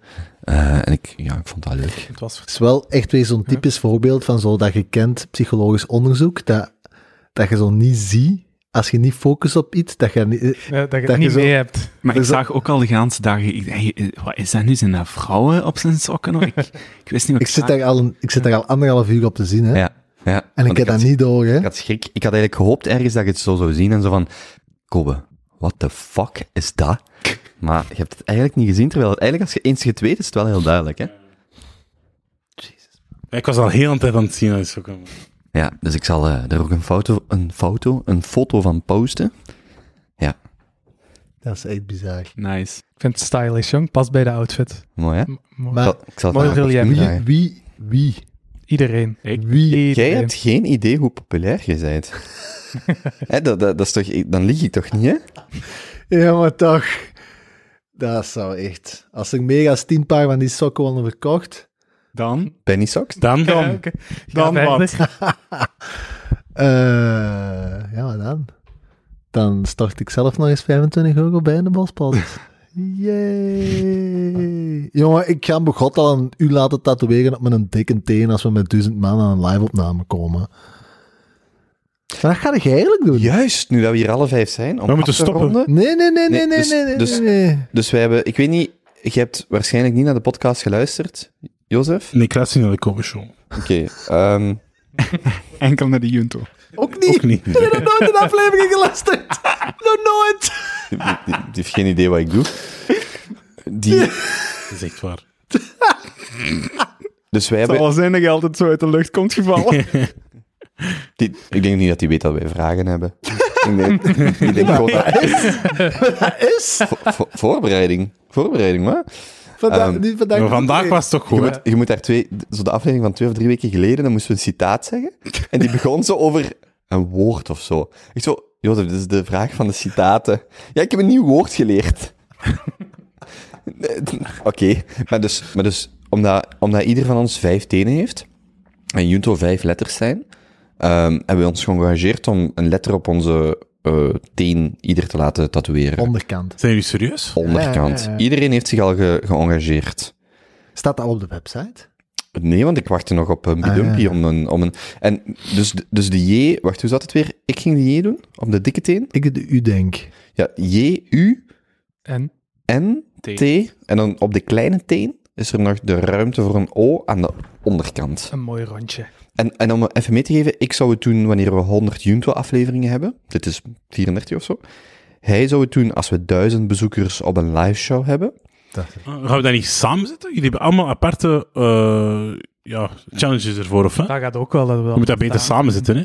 En, en gewoon Junto bovenop de teen. We're going next level, boys. Ah, Junto. Junto op de arm. Nee, gewoon Nee, Junto dat boven, het bovenop de teen. Allee, alsjeblieft. Nee, maar... Ja, dus eigenlijk... Wacht, ja, dus mijn vraag Ik was... vind het wel grappig als je allemaal maar één letter hebt. Ja, ik vind het ook... Ja, maar... maar het- allee, als jij Dan kunnen ze al die tenen zo samenleggen. Voor... Maar dus de vraag zou zijn, wat zou jij u voor engageren om een O op de onderkant van uw kleine T te laten zetten? God, in blik. Je ziet Oh, man. de paniek. Ja, ja. Ik ben, ik ben geen... jullie tattoos? Ik heb geen tattoo. Ik heb, Maar zo ik heb een, een kleintje. Oh, ik heb Ben jij één... Ik heb geen tattoos. Ah, ja. Zijn ik een... Oh, tattoo. Een, een ootje op de onderkant van uw teen. Kunnen, kunnen jullie iets voorstellen? Ik kan, ik kan echt niet inschatten. Maar je zou het wel doen. Je zou Bij het de wel- Ik zou, 34 ik zou dat doen, omdat ik jullie graag zie, maar... eh, Bij de 34ste aflevering. See what I did there? Dus wacht, 1000 luisteraars, 100 afleveringen, Maar 5000 hoe euro. 100 afleveringen? Dan Ja, ga- 100. ga- gaat dat sowieso dan doen. Ja, bij de Junto. Ja, ja, inderdaad, sowieso. Maar ik wil dat ook wel doen. En dan iemand van ons heeft nog, van hen heeft nog 5000 euro voor de bospot. Dat is toen. Steun. Nee, dus- toen had minder. 1000 euro eind maart in de bospot. Ja. En Nu, en nu ik zet een U. Een Ik had- T. En Ik had ook dat iets met de bospot, ik denk maar... Ja, dat hem gevuld was. 5000 euro. Maar ik wil dat samen doen met jullie. Ik wil samen één wetenschap doen. En als we dat bereiken, dan doen we dat samen. Want Hmm. als wij geen 1000 euro halen op het einde van maart... Wel goed, dan kunnen we een opname doen in een tattoo shop en om de beurt gaan laten tatoeëren. Ik vind dan, ik vind dan bijvoorbeeld Top. live show voor 1000 man wel heel cool. En dan om de beurt, als we die duizend, Ja, als die goed. om de beurt laten tatoeëren Zo op die- podium. Tijdens die opname, ja. Oké, live show Weet je- 1000 man. Weet je En wat ik dat is? een- 1000 man. Ja, dat, Dat is- gaat No way, hè. hè. Gaat nooit gebeuren. Hoe- Wat zijn de nummers op het moment? Weet je dat zo? 500, 600, 1000, Ja, 1500, hangt er een voor beetje vanaf. Ja. ja, tussen 500 en Misschien moet, 500 het, misschien moet het op een realistische target Ja. zetten. Als er 500 man naar een live opname komt, dan laten we dat om de beurt zetten tijdens die opname. Hoe groot is Als er 500 man naar een live optreden komt, dan zet ik Junto boven op de tenen. Oh. Alle vijf. Ja, zeg, ja, come on. Hey. En de foot is down.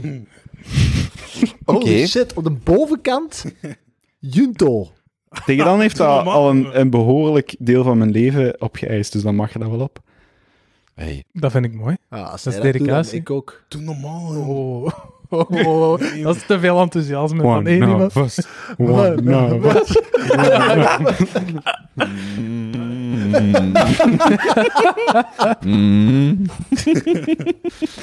Oké, 500 man live show en dan zien we nog of we onderkant of bovenkant Ja, doen. Maar er wordt in de Junto getatoeëerd. Ja.